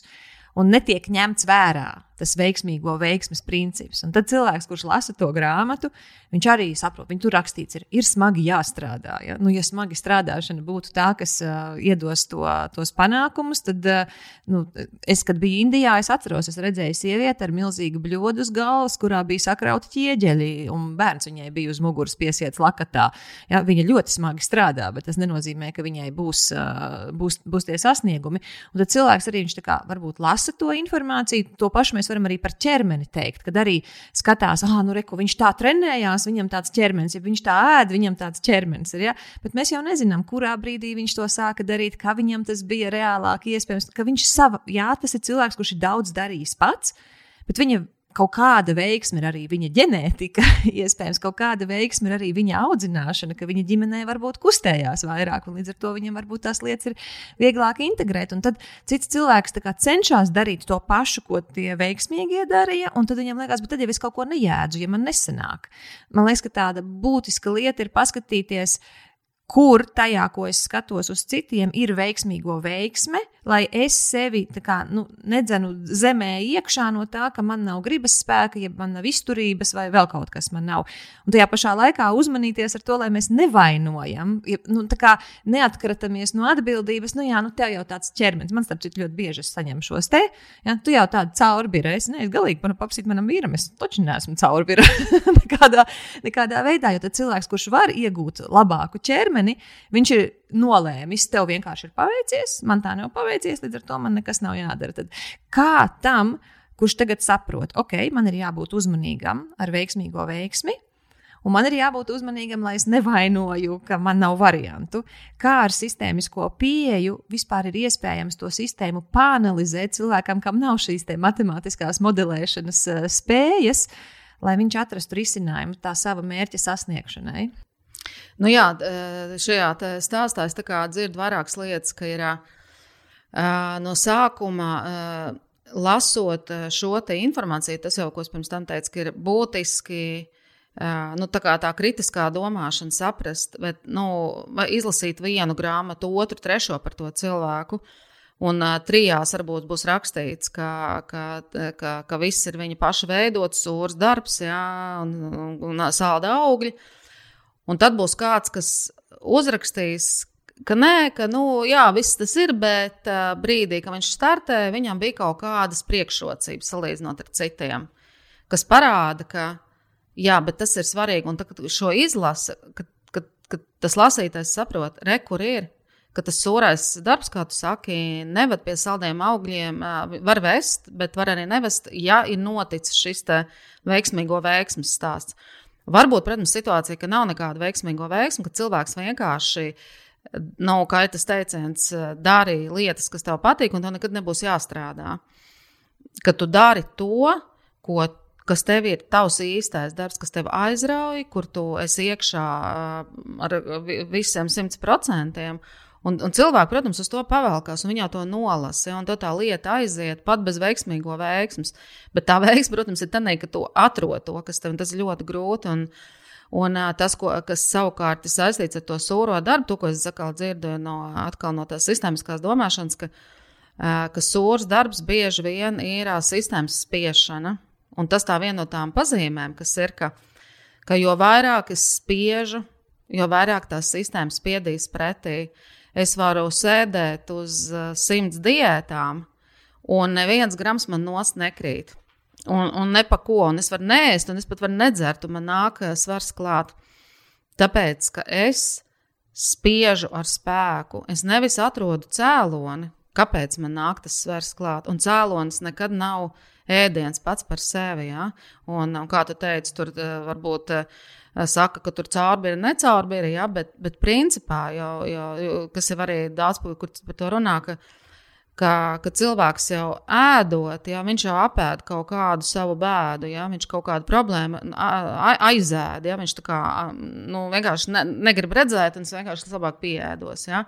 Un tas ir tas vēl viens no tiem arhetipiem, ka, ka tātad šis īstermiņa risinājums pret ilgtermiņa risinājumu, ja, kas arī ir, kas, kas tieši mums plūstoši pārvadus to nākamo, ka tā tad vienkāršāk ir lietot kaut kādas, nu, kaut kādas risinājumus, kas ir tāds ātrs, ja. Man ir krēķis, es apēdu bulciņu, ja man fū. Es esmu tas labāk. cilvēks. Jā, man ir stresiņš, es iemetu 50 gramus, ja. Un, un tādā veidā, bet tā īstā problēma, kas ir tas, cēlonis, cilvēks to ne, jo tas prasa ilgtermiņa risinājumu, tas prasa sasprindzināšanos. Un, bet tad, ja tu atrisini to ilgtermiņa problēmu, tev vairs nav problēma ar ēšanu, tev nav nekādas, tad tev diētas vienkārši nav interesants, jo viss tas diētu bizness jau, protams, turās uz to, ka eh, ka tas ir ātrs risinājums. Ja visādi tur brīnuma tabletes, es nezinu, visādi tur brīnuma vitamīni, kas tik nav izdomāts. Ja? turās tieši uz šo cilvēku vēlmi ātri visu atrisināt, visas problēmas ātri atrisināt. Bet problēmu risināšana nekad nav īsta risināšana, nekad nav ātra un nesāpīga. Ja? Tur bija tas uh, ātri, ir, ne, lēni ir ātri. Jā, ja? lēni ir ātri. Jā, jā. Lēnāk tā, ir ātrāk. Lēnāk ir ātrāk. Tā bija jā, tā. Jā. Nē, ātrāk ir lēnāk. Uh, jā, Ab, abās. jā, jā, nu jā, tas ir gan tā, gan tā. Ātrāk ir lēnāk. Tā, tad, uh, ja mēs kaut ko gribam ātri, ja, tad bieži vien mēs vēl nonākam vēl kaut kādā. Un tas būs lēni. Beigās. Jā, beigās būs lēni un mokoši. Un tas ir uh, svarīgi. Uh, ja mums ir tā, tā, tā vēlme visu laiku fiksi risināt kaut ko, ja mums ir jāatrod tas, uh, tas cēlonis, kāpēc, kāpēc mēs uh, gribam, kas ir apakšā, ko mēs ar to fikso risinājumu mēģinām atrisināt. Man šķiet, ka tad, kad nu, es skatos, piemēram, savā dzīvē, tad es ķeros klāt tiem ātriem risinājumiem ar domu, ka uz mani tas neatieksies, ka tas ir tikai īsa, īsa laika risinājums, ka es jau to spēšu uzturēt mūžīgi, bet, kā mēs teici, tur ir griezti. Jā, ne, tur pieaugumam ne, ir robeža. Ne, to es vispār, protams, neņemu vērā tajā brīdī. Un tad man liekas, nu, es kā, kāpēc es ķeros pie tiem ātrajiem risinājumiem ar domu, ka tie ir tie īstie, jo ir ļoti grūti tolerēt to diskomfortu, ko prasīs lēnāka risināšana, un ir grūti tolerēt to diskomfortu no tās problēmas, kas lēni risinot, būs vēl ar nepatīkamām sajūtām. Tāpēc es gribu tā kā nu, ātri, nu, piemēram, vieglāk ir sabļaut uz vīru, ar domu, ka viņš ātri darīs tā, kā vajag, vai, piemēram, mm -hmm. uz mhm. bērniem, ne? nekā ilgi skaidroties, domāt, kā man vajadzētu nevardarbīgi komunicēt ar to cilvēku. Un tad ir tāda, man, man riebjās, man riebjās, ka mums ir šī problēma. Tāpēc, ja es tagad ātri, ātri, tad mums ātrāk nebūs tā problēma. Tad iespējams, ka no, viens no tādiem izaicinājumiem ir iemācīties tolerēt to diskomfortu, kas nāk klāt klāt ar lēno risināšanu. Man būs vai nu jātolerē šī brīža diskomforts, vai tagad tiekot no viņa ātri, ātri vaļā, es tolerēšu to diskomfortu, kas būs vēlāk. Man liekas, ka viņš arī tāds diezgan riebīgs un, un lielāks ir, kas novājina vēl vairāk. Jā, un tāpēc, ka tam īstermiņa risinājumam ir uh, vēl viena problēma, kas ir sekas, kas ir atkarība. Jo īstermiņa risinājumi, kas tiek visu laiku lietot bez apstājas, uh, sāk veidot atkarības cilpu. Un pēc tam, lai no tā tiktu ārā, tas ir vēl sarežģītāk. Tie ilgtermiņa risinājumi nāk vēl mokošāk. Tāpēc, labi, vienreiz, divreiz, varbūt īstermiņa risinājumu mēs varam atrisināt, kad nav situācija, nav laika, ja ir ātri, ātri kaut kas jāizdomā. Bet, ja tas ātri kaut kas jāizdomā, pārvēršas par tādu ikdienu, tad tā atkarība ir neizbēgams seks te, šajā te konkrētajā arhitipā. Par tieši par to arī ir tas stāsts. Un cilvēkiem tas ir jāsaprot, ja, ka stresa mazināšana ar 50 gramiem katru vakaru. Būs pēc tam jau 100 gramu katru vakaru, tad jau izējot no mājas no rīta, arī 50 gramus drošībai jau jāierauj. Ja?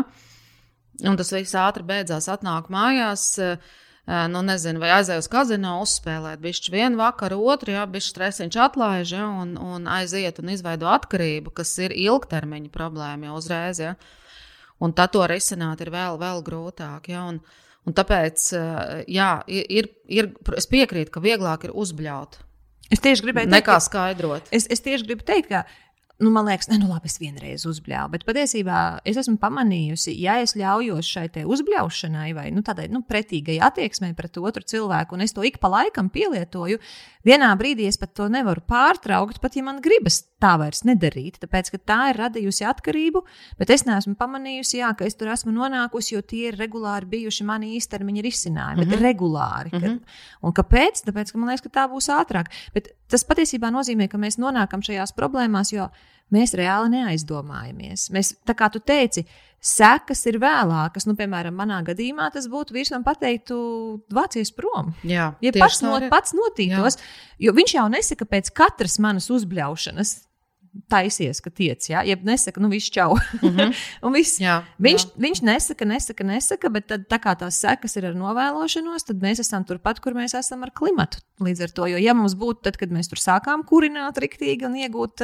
šo, šo, šos te, kā viņus sauc, fosīlos, fosīlos fos, fosīlo, nezinu, degvielu vai kurināmo, jā, jā. jā ja mums būtu uzreiz bijusi siltumnīca, ja, tad mm -hmm. es mhm. domāju, mēs ļoti ātri pārtrauktu jā. un meklētu kaut kādas citas risinājumus, bet mums jau nav. Uh, es zinu pēc sevis, es nezinu, vai tas palīdzēs, bet man tā kā es formu zaudēju ļoti ātri. Man patiešām svars nāk klāt ļoti ātri. Un tad, kad ir periodi, kur ir vai nu ļoti daudz stresa, un es zinu, es nenoturēšos tajā savā veselīgumā, un aizies, aizies pa pieskaru, nu, ja es neesmu laicīgi par sevi parūpējies. Vai arī man ir garais atvaļinājums, nu, ļoti garais atvaļinājums, kur ļoti daudz um, ir tādu faktoru, kad man ir grūti veselīgi ēst. Nu, piemēram, regulāri ar ciemiņiem, regulāri ar bērniem. Nedod Dievs, tas vēl ir Latvijā, kur ir visas skaistās būciņu smaržas. Neviena pasaules valsts, es nevaru nobaroties, izņemot Itāliju un Latviju, kur ir nu, ļoti, ļoti, ļoti garšīgs ēdiens. Tā, tas, tas, kas man der. Un uh, es esmu sapratusi, ka man ir jāsaņem tā atgriezniskā saite ātrāk, un līdz ar to es, man ir līdzi apģērbs, par kuru es zinu, kā tas apģērbs man parasti der. Un uh, vienīgi man nav nepieciešamība viņu uzvilkt, jo nu, es staigāju ērtās drēbēs tajā brīdī, ja ir atvaļinājums. Bet, jā, man ir, kad ik pa laikam es to apģērbu uzvelku, lai es vienkārši laicīgāk nobremzētu. Un, uh, ja man ir pieejami svari, saka, nu nevajag svērties, lai nebojātu sev gara stāvokli, ka tas nemotivē notievēt. Viss pareizi. Manā gadījumā tas mani, man, man palīdz neaiziet otrā galējībā, ka nav pat traku. Jā, varbūt tas man nepalīdz notievēt, bet vismaz es, es ne, neaizēdos līdz tādam līmenim, kur man jau tā bedra jau ir nu, pārāk liela, un tad vēl ir nomācošs garastāvoklis. Es, ja es tevi saprotu, ar sistēmisko pieeju mēs varam gandrīz visu atrisināt. Iespējams, pat ļoti daudz. Jā, un tad tajā stā, tavā stāstā parādījās brīnišķīgas vairākas lietas, kas man ļoti patikās. Pirmkārt, tu runāji par svārstīgu sistēmu. Atcerieties, stāstīja par uzņēmumu, kur nolikt tavs svārstās. Tu tur tukšs, tad pilns, tad tukšs. Un šis arī ir stāsts par to, ka es notievēju, tad es atkal pieņemos, notievēju, un tur ir tā struktūra, no kurienes tas radās. Un, uh, Un pamatā visas šīs svārstības radās no novēlotas informācijas. Respektīvi, cik mm. ātri mēs saņemam to informāciju. To es atradu kolosālu veidu, kā to informāciju saņemt pātrināt. Tu pati atradu to, ka tu uzvelc drēbes, kurās tu uh, vienkārši saproti, viss ir, mm. ir, uh, ir sasniegta robeža, šeit ir jāapstājās. Ja? Citam tie ir svari, kas arī, bet, nu, kā teica, variem problēma, ka tu uzkāp un, un vienkārši šausmas. Drēbēm jau, protams, līdzīgi. Ja, bet, uh, Un tu saproti, un tev ir tā informācija uzreiz atgriezeniskā saite, ka sistēmā, sistēma rāda, ka viss ka ir jau sasniegti griezti, ja kaut kas notiek, un tu darbojies jau izējot no šīs informācijas. Ja tu tās drēbes nevilktu pēc mēneša atvaļinājuma, tad tu saņemtu informāciju. Viņa būtu vēl šausminošāka. Un tad ir vēl grūtāk, ir vēl grūtāk darīt. saņemties. Mm -hmm. Un te ir tieši tas, kā dabūt to informāciju saulaicīgi, kur viņu iegūt. Uh, Un, uh, un ko pēc tam darīt ar to informāciju? Bet tā, tas informācijas ātrums, kā mēs viņu saņemam, ir kritiski svarīgs īpaši svārstīgās sistēmās. Ja? Un, un biznesa, jebkurš biznesa ir svārstīgs. jā, jā, sistēma, tur ir, jo, jo ātrāk es saņemu informāciju, jo mazāk svārstības būs. Tā svārstība amplitūda samazināsies būtiski. Ja? Jo, jo svārstīga sistēma vienmēr ir darīšana uh, par kaut kādām lietām, kas kaut kur uzkrājās, un pa vidu ir kavējums. Vienkārši informācija, novēlums, nā, informācija nāk ar, ar novēlojumu par to, kas ir noticis tur tenī, tajā vietā, ja, ka man ir arī iepiņa uzaugusi.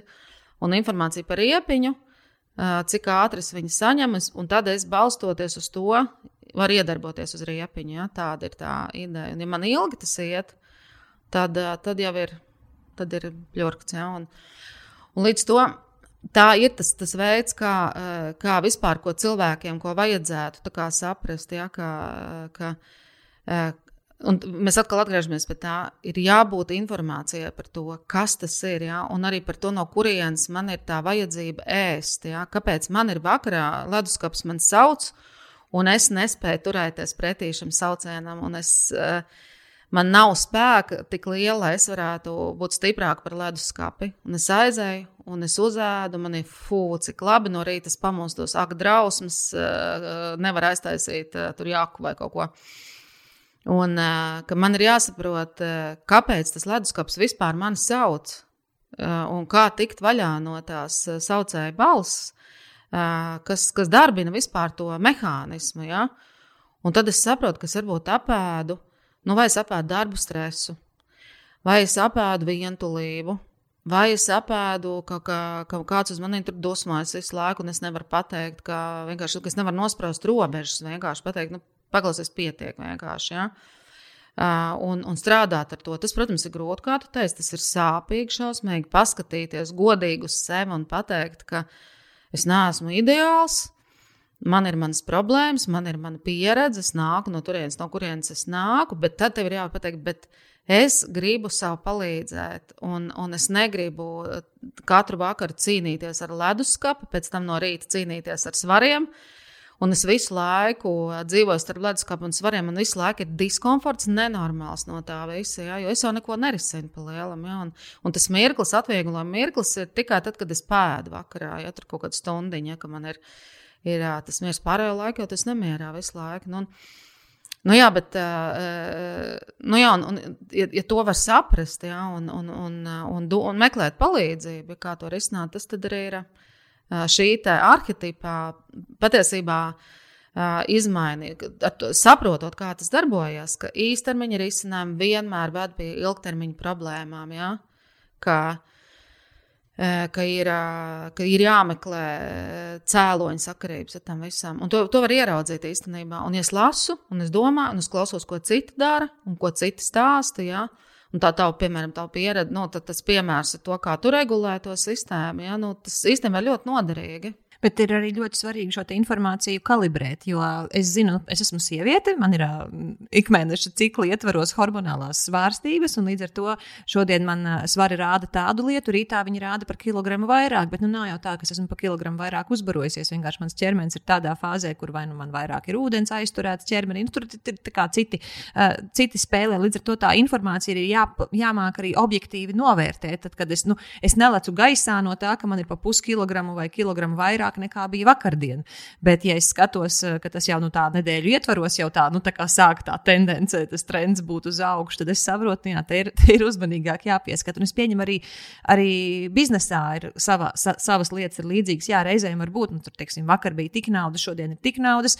Nu, tur varbūt tā svārstība vēl nav tik būtiska, cik viņi ir nu, nedēļu vai kādos ietvaros. Vai varbūt tieši kā reiz ir svarīgs. Varbūt ir vietas, piemēram, medicīnā es pieņemu svārstības pat piecu minūšu ietvaros. var nozīmēt. Mm -hmm. Te ir jā, ļoti uz to jā, jāpaļaujas. Jā. Kāda jā, jā. ir rādītāja? Bet es gribu atgriezties pie tādas ģeniālās frāzes, ko tu teici. Sūrs darbs ir sistēmas spiešana. Eh, es atcerējos to principu, jo mums bieži vien liekas, ja man nav naudas, man ir vairāk jāstrādā. Jeb arī, ja man nav forša ķermeņa, man ir vairāk jātrenējas, jeb man ir vairāk jāietur diēta. Jeb arī, ja es esmu neorganizēts cilvēks, man ir vairāk viss jāorganizē. Jeb arī, ja man nav foršas attiecības, nu, tad man ir baigi tagad jārisina. Nu, tieši tās, tieši tā, nu, tā kā stiprāk, cītīgāk, man ir vairāk jāmeklē, man ir vairāk jārakņājās sevi. Nu, ar domu, ka, ka sūrs darbs, tas man dos rezultātus, jo mums tas visu laiku ir Protams. mācīts.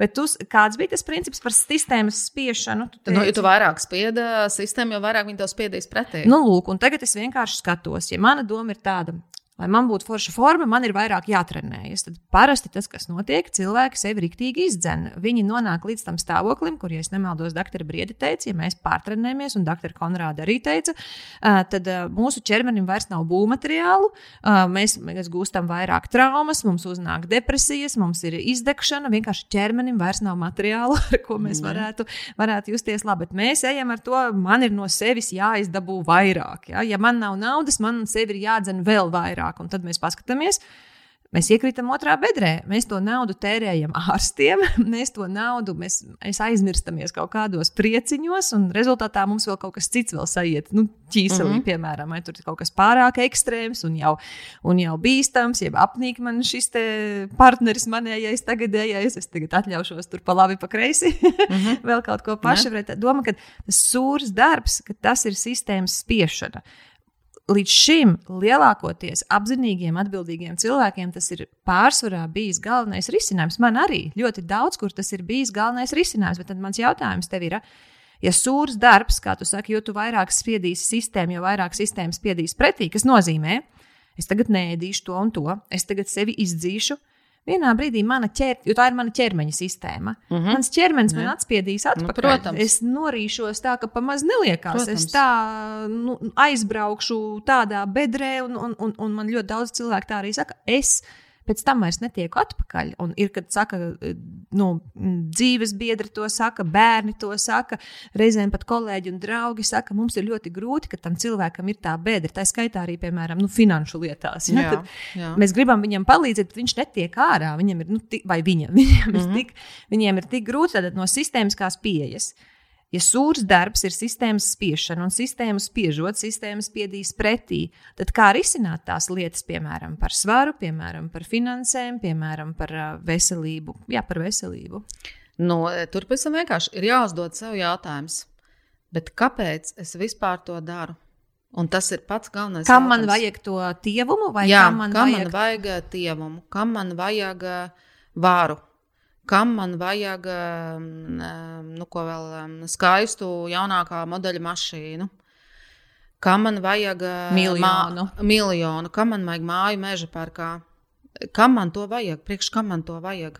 Lai es justos labi, tipiskā atbilde ir. Jā, bet kāpēc tas ir vajadzīgs? Vai nevar bez tā justies labi? Nē, nevar. Nu, kad viņš riepa gāžās vēd, biksēm pāri, kā var justies labi? Un, un, un, un tā atbilde ir tāda, ka to parasti vajag lai kaut ko citu risinātu kaut kādā veidā. Jo nu, jau ir, jau ir zināms, ka pašpietiekams cilvēks. Uh, nu, parasti vienmēr saka, nu, kā nu, ir tāda citreiz, vai kāda tāda apaļīga sieviete, un, un paskat, kā vīrieši viņai pievērš uzmanību. Ja, nu, fukādu, viņa, cik viņa tur kilogramu, 20 klāta, nu, tāda riepa, cik ne, un apspīlētā klētā, un vispār šausmas. Ja? Un, un blakus sēž tur kaut kāda skaista, un neviens par viņu neinteresējās. Ja? Uh, Tāpēc, ka viņa ir pašpietiekama. Viņai nevienam nekas nav jāpierāda. Un tā riepa ir daļa no viņas vienkārši. Un viņa jūtas ļoti labi. Viņai asinsspiediens ir normāls, asinsvadi nav aizkaļķojušies, holesterīns ir normālā līmenī, cukurs nav. Jo viņa jūtas labi, viņa necepās par lietām. Par kurām cepās cilvēki, kas nav pašpietiekami. Jo visi šie attribūti, kas ir gan, gan tie fiziskie, gan, gan, gan tie materiālie, uh, ir stāsts par kaut kādu uh, iekšā cepienu, kas cilvēkam ir. Un tad, ja tas cepiens ir tajā sistēmā, ir jau kaut kāds spiediens, jau, ja, ka, ka, ka es patikšu tikai tad, ja es svēršu 50 kg, piemēram, ja, un man būs skaisti blondi mati, un es atbraukšu ar baltu uh, džipu. Uh, un man būs jānāk tur drēbes no kaut kāda modeļa, modeļa nama. Tur. Un, ja mans čoms pareizi izskatīsies, jā, jā, dāma? jā, man bērni ies pareizajā skolā, un viņiem būs jānāk iet tur telefonu. Un sekmes būs tā kā vajag. Un, jā, jā, viņi būs tur ies treniņiem pie svarīgā, tur tieši tajā, pie tā trenera, kas varēs tur viss, nu, viss sociālajie atribūti, ja, kas ir vajadzīgi. Ko tas viss aizpild? Nu, tas ir tas spiediens, un lai es to visu dabūtu, es spiežu, ja sevi spiežu, es eju skriet. Un es spiežu līdz... arī citus. Jā, es spiežu citus, es eju skriet līdz ģībienam, es neēdu līdz ģībienam. Jā, un, es, un braucu sev pa smadzenēm arī līdz nelabai dušai. Nu, pasties, kā tu nevari saņemties. Nu, saņemies taču, nu, kas tev ir sliņķa tāda? Tieši ne? tā, es velku 7 cm augstpapēžu kurpes, ejot uz pasākumu, man kājas ir, ir beigtas, vispār viss ir čupā, ja? bet es to daru, es sevi spiežu. Ja? Kāpēc es to daru? Es taču varu aiziet arī bez papēžiem vai normāliem papēžiem. Un, un ja es būšu interesanta, es būšu, papēžiem nebūs nekāda nozīme. Tāpēc, ka es būšu pašpietiekama. Un visinteresantākais cilvēks ir pašpietiekams Jā. cilvēks. Mēs pie viņiem automātiski pievelkam. Viņi ir kā magnēts. Un te ir tas stāsts, lai tu kļūtu pašpietiekams, tev ir jāstrādā ar sevi. Tas ir ilgtermiņā risinājums. Tev ir jātiek galā ar saviem dēmoniem, ar visu, kas, kas rada mazvērtību, ja, kas nāk no, no visām pusēm. Un tad, ja to var izdarīt, tad vairs nekam citam nav nozīmes. Tu patīc sev, kāds tu esi. Tu arī treniņu biksēs, iet uz darbu, un, un, un tu visiem patiks. Un neviens to nekad nekritizēs. Tāpēc, ka Jo tu pats par to nesatrauksies. Vienkārši. Jā, un, un tas nenozīmē, ka tagad viss pasaules staigās treniņu Nē, protams, kāds ies klētā, kāds ies džins. Un tas jau ir kas, kas kuram ir svarīgi. Ja? Bet, bet tas nenāks no tāda deficīta, no tāda, jā. no tāda melnā cauruma. Jā, un tas ir par to spiešanu. Un tāpēc tā. Un tas ir saistīts, ka, ja man ir piemēram svarīgi šie sociālie attribūti, es spiežu savus bērnus, ja es spiežu ģimeni, es spiežu sevi strādāt darbu, kas man ir iebjās, bet kas ir ienesīgs. Ja, piemēram, kas ir ārkārtīgi bieži sastopams. Ja, kur, es domāju, mēs paprasītu vienam, nu, nezinu, simt cilvēkam uz ielas, iziet pajautāt, vai jūs strādājat darbu, kas jums patīk un kas jums sagādā prieku. Es varu pateikt, 98 pateiks, ka nē. Mm -hmm. Un jautājums, viņi katru dienu ceļās, un viņi iet, un viņi to dara. Ja? Un, un tas spiediens ir, nu, ka sūrs darbs nesīs saldus augļus. Bet, ja mēs, mums ir dzīve, piedāvā iespēju satikt cilvēku, kas dara darbu, kas viņam patīk, kur, kur viņš deg par to darbu. Ja? Un es, gribētu domāt, ka mums Steve's Jobs tāds varēja būt, ja? ka, ka viņš patiešām bija iekšā tur. Tad arī nāks tā nauda, un, un, un nāks tie panākumi, ja? un, un tas viss nāks. Bet tas nenāks ar spiedienu, tāpēc ka jo vairāk spiedīšu, jo vairāk man spiedīs pretī. Ja? Super. Andra, es vēl gribētu no tevis palīdzību tieši tajā. Jo tā nav viegla atklāsme, saprast, ka sūrs darbs tā ir, tā ir sistēmas spiešana. Kā tad, lai es tieku pie rezultātiem, ja tagad tas, kas man bija tik ierasts, izdzīt sevi, skriet, vingrot, ar ēdienu ļoti sevi, piemēram, vai ierobežot um, darbā, tik šancē, šancē, šancē kā lai es rīkojos, un es ar to nedomāju tā precīzi sevis, tā teorētiski runāju, un arī uz mani tas noteikti arī attiecās. Kā man rīkoties ar sistēmiskās domāšanas pieeju, lai es saprastu, kur tad ir tas spēka pielikšanas punkts, uz ko man ir vērts iedarboties. Jo tad sanāk, ja sistēmas spiešana ir, es visu laiku iedarbojos ēd, ēd ēd veselīgāk, vai es iedarbojos uz to sporto vairāk, tad tev būs rezultāti. Bet, kā tu teici, mums jau iepriekšējā sarunā sistēma nav intuitīva. Mums liekas, jo, teiksim, ja ņem arī vērā, uztur treneri tā arī saka, tu gribi notievēt? Apēd mazāk kaloriju nekā tu patērē. Tā ir. Nu, jā, tā, jā, ir. tā ir. Bet tā nav vienīgā sastāvdaļa sistēmai, dēļ kā es spēju vai ne, nespēju apēst tās kalorijas kā nonākt līdz tam, ka e, mēs sākam ieraudzīt plašāk nu, tos elementus. Nu, nav jau tur nekāds brīnumnoņas. E, kā jau teicu, ir jākļūst pašpietiekamam. Ir vienkārši jāiemācās sevi mīlēt un pieņemt sevi tāds, kāds tu esi. Mm -hmm. Un darīt darbu, kas tev patiešām patīk. Un tā, tā ir tā arī tā mīlestība pret sevi, ka es nevaru darīt darbu, kas man riebjās. Jo es vienkārši nu, nemīlu sevi. Nu, kā, nu, nu, nu viss, kas sevi izdzēna ja, kaut kur. Nu, negribās man celties, nē, man ir jāiet, man ir jāiet, tāpēc, ka man ir jāiet. Nu, tā ir nemīlestība pret sevi. Tas tā ir, ka nav, ka tu neesi pašpietiekams. Tev kaut, kāds, kaut kas tev iekšā dzen to darīt. Kāpēc tev liekas, ka tu neesi foršs? Ka, ka tu neesi patīkams, tev nemīlēs, tev izstums grupa, ja tev atgrūdīs. Bet grupa nekad neizstums un neatgrūdīs pašpietiekamu cilvēku. Grupa pievilksies pie pašpietiekama cilvēka. Uh, un tas ir baigi grūti saprotams, tāpēc ka mēs liekas, nākam visi no tādas. Uh, nu, tomēr tā mūsu pagātne, ja, visa, un, un visa tā padomju sistēma, kas tos cilvēkus lauza ja, un, un deformēja, un, un, un, un kara pieredze, ja, kad, kad vecākiem nebija laika, bērniem bija jāizdzīvo, ja, un bērni bija paši par sevi, un nekāda mīlestība vecāka nedēva. Ja, un, un, un, Un, eh, un bērni bija vienkārši kaut kur pa māju, kaut kādi mētājās, kaut kādi bērni, ja, priekš kuriem nekad nav laika. Ja, un, Nu jā, kad nav tās bāzītes, uz ko likt, nu jā, protams, ka nu, mīlestība nāk nu, tur, kur ir mīlestība. Viņa nu, nevar, eh, nezinu, naids ražot mīlestību, nu, kaut kādas tādas lietas. Ja? Un, un, un ja, nu, ir cilvēki, kuriem nav šīs pieredzes, vai viņiem ir kaut kur viņa maziņa, tad tā tāds maziņš kaut kāds eh, liesmiņa. Uh, Eh, tad ir jāmēģina dabūt ugunskura. Vai nu pats to var darīt, eh, lasot un domājot, vai nu jāiet pēc palīdzības, kur terapeits vienkārši palīdz. Nu, viņš, terapeits ir draugs, kas nenosoda.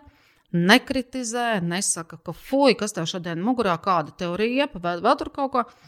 Kurš to vienkārši pieņem tāds, kāds tu esi, un viņš to vienkārši iet līdzi un, un rāda, atbalsta. Ka, jā, un redz, kur ir ceļš, kā tu vari no tās liesmiņas dabūt to ugunskura. Ja? Un, un viņš tev nesaka, ka, fuck, kur tu dzīvo kopā ar šitādu vai tādu, vai kā tev tur bērnu uzvedās. Ja? Viņš vienkārši palīdz saprast, kāpēc tas ir. Tā ir tā sistēma, ka viņš parāda to sistēmu, atsedz vaļā. Un tu tiešām domā, kāpēc es vispār strādāju šo darbu? Kāpēc man viņš ir iebjās, un man es eju jau tur 30 gadus. Un, Un, un dienu dienā, ja, un, un dzīvo ar cilvēku kopā. Es nesaprotu, kāpēc viņu kopā dzīvoju, paciešu to visu. Ja, un, un kāpēc es bļauju saviem bērniem. Ja.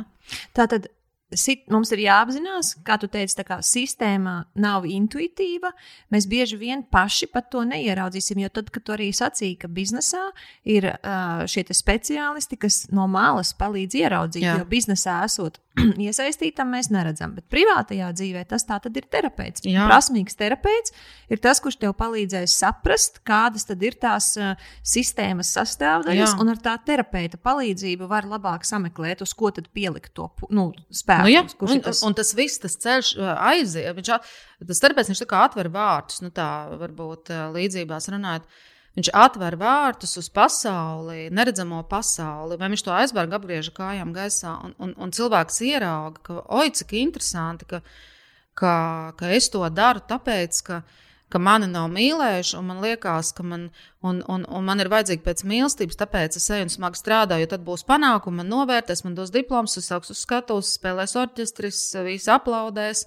Es būšu slavens un varens, un, un visi man mīlēs. Ja? Un, un tu saproti, ka tā ir ilūzija. Ja? Tāpēc, ka tu pats sevi nemīli vienkārši. Jo, jo, jo tad tu kāpsi uz skatuves jau tāpēc, ka tu pats sev jau sasniedz kaut ko, tāpēc, ka tas ir tavs īstais tavs, tas aicinājums. Un, un tas darbs vienkārši parāda, viņš principā ir daļa no šīs sistēmiskās domāšanas, kur viņš to informāciju cilvēks pats nevar savākt. Ja? Un tā problēma, protams, ir, ka es zinu, ka man ir ausis, bet es viņas neredzu. Ja? Un, un tas ir tas, ka es zinu, ka kaut kas nav kārtībā, bet es nezinu, kas. Un viņš vienkārši atver durvis un parāda, re, kur ir, jā, re, kur ir tie bērnība, draugi, tur darba biedri, tur kaimiņi. Jā, un redz, kā tur ir. Un, un ja tu neko nedarīsi, tu visu mūžu kāpsi tajā pašā bedrē visu laiku iekšā, un nekas nemainīsies. Un, un viņš tā vienkārši uzspīdina gaismu, jā, un viss, un, un nekā jau tur cita nav.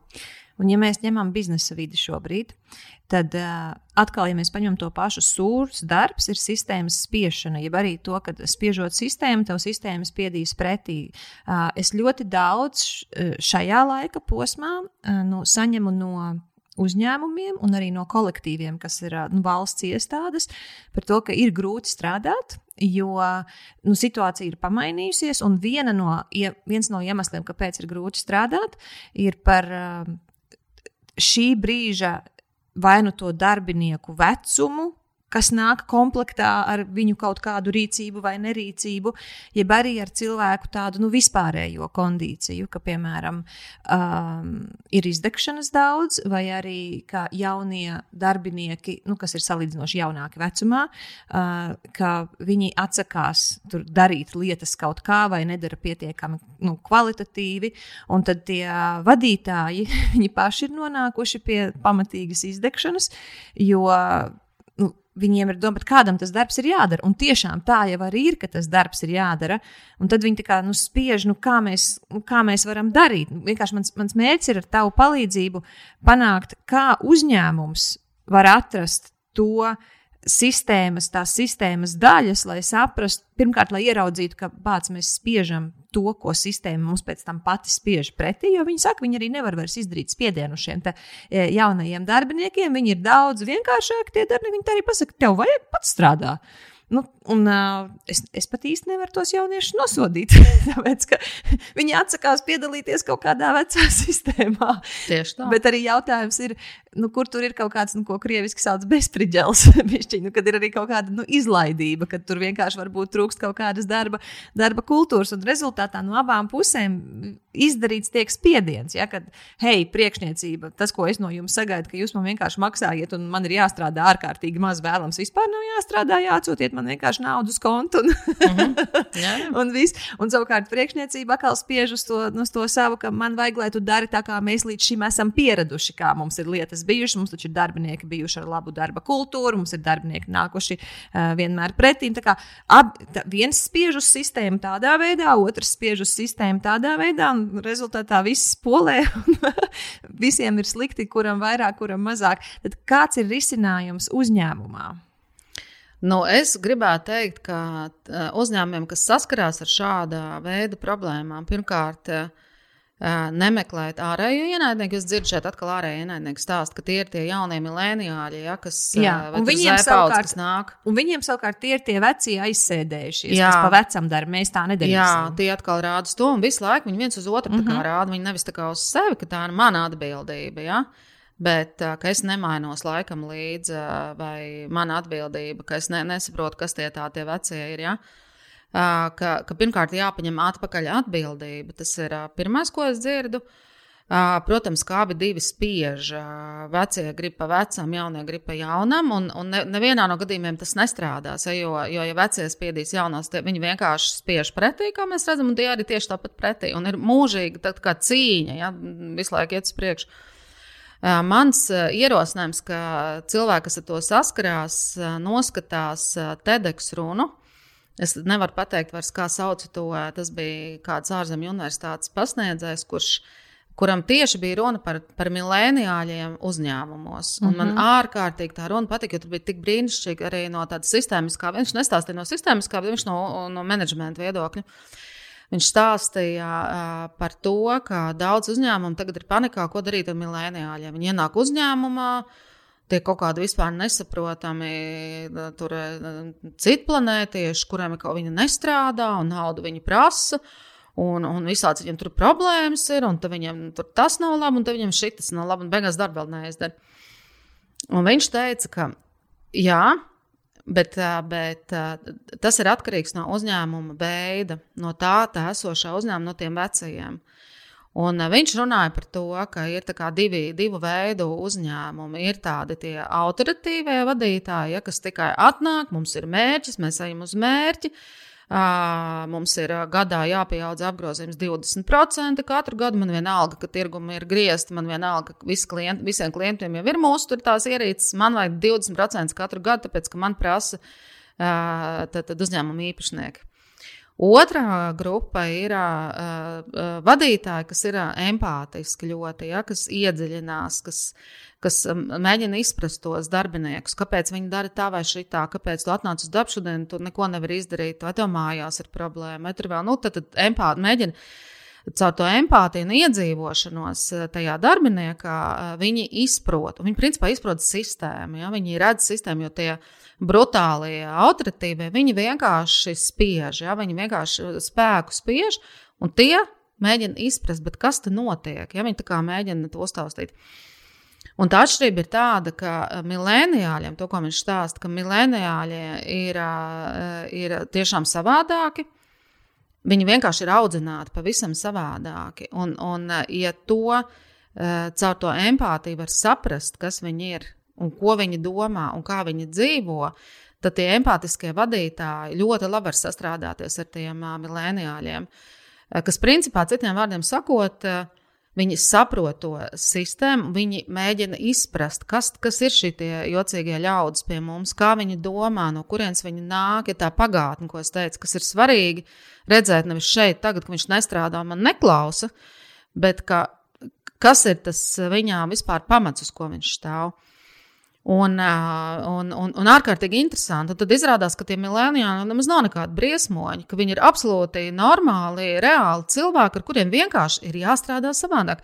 Tev ir jāadaptējas tajā situācijā, bet, ja tu neadaptējies, tad tev ir tikai ārējais ienaidnieks. Es man viss pareizi, es daru visu pareizi, vispārējā muļķi. Un, un tajā prezentācijā bija ārkārtīgi interesanti, ka viņš arī runāja vēl par tādu aspektu, ka ir uzņēmumi, kas strādā uz konkrētu mērķi, Un ir uzņēmumi, kas strādā procesam, kas gūst kaifu no procesa. Un tas ir tas, kur, kur, kur man ārkārtīgi patika. Ka, ja, jo es redzēju to, ka, ka, eh, kā es teicu, ka, ja tu dari to, kas tev patīk, tev nekad nebūs jāstrādā. Ja tu baudi to procesu, tev nav svarīgi katru gadu 20% apgrozījuma pieaugums. Nu, labi, šogad bija, nākošais gads varbūt nebija. Nu, Bet, ja tu baudi, tu esi priekš, tu esi inovatīvs, ja tev ir milzīga interese iet uz priekšu, un tu nevis ar spēku ej uz priekšu, un nevis es tagad man vajag inovāciju, tagad man lūdzu līdz vakaram piecas inovācijas uz galda, lūdzu, ja?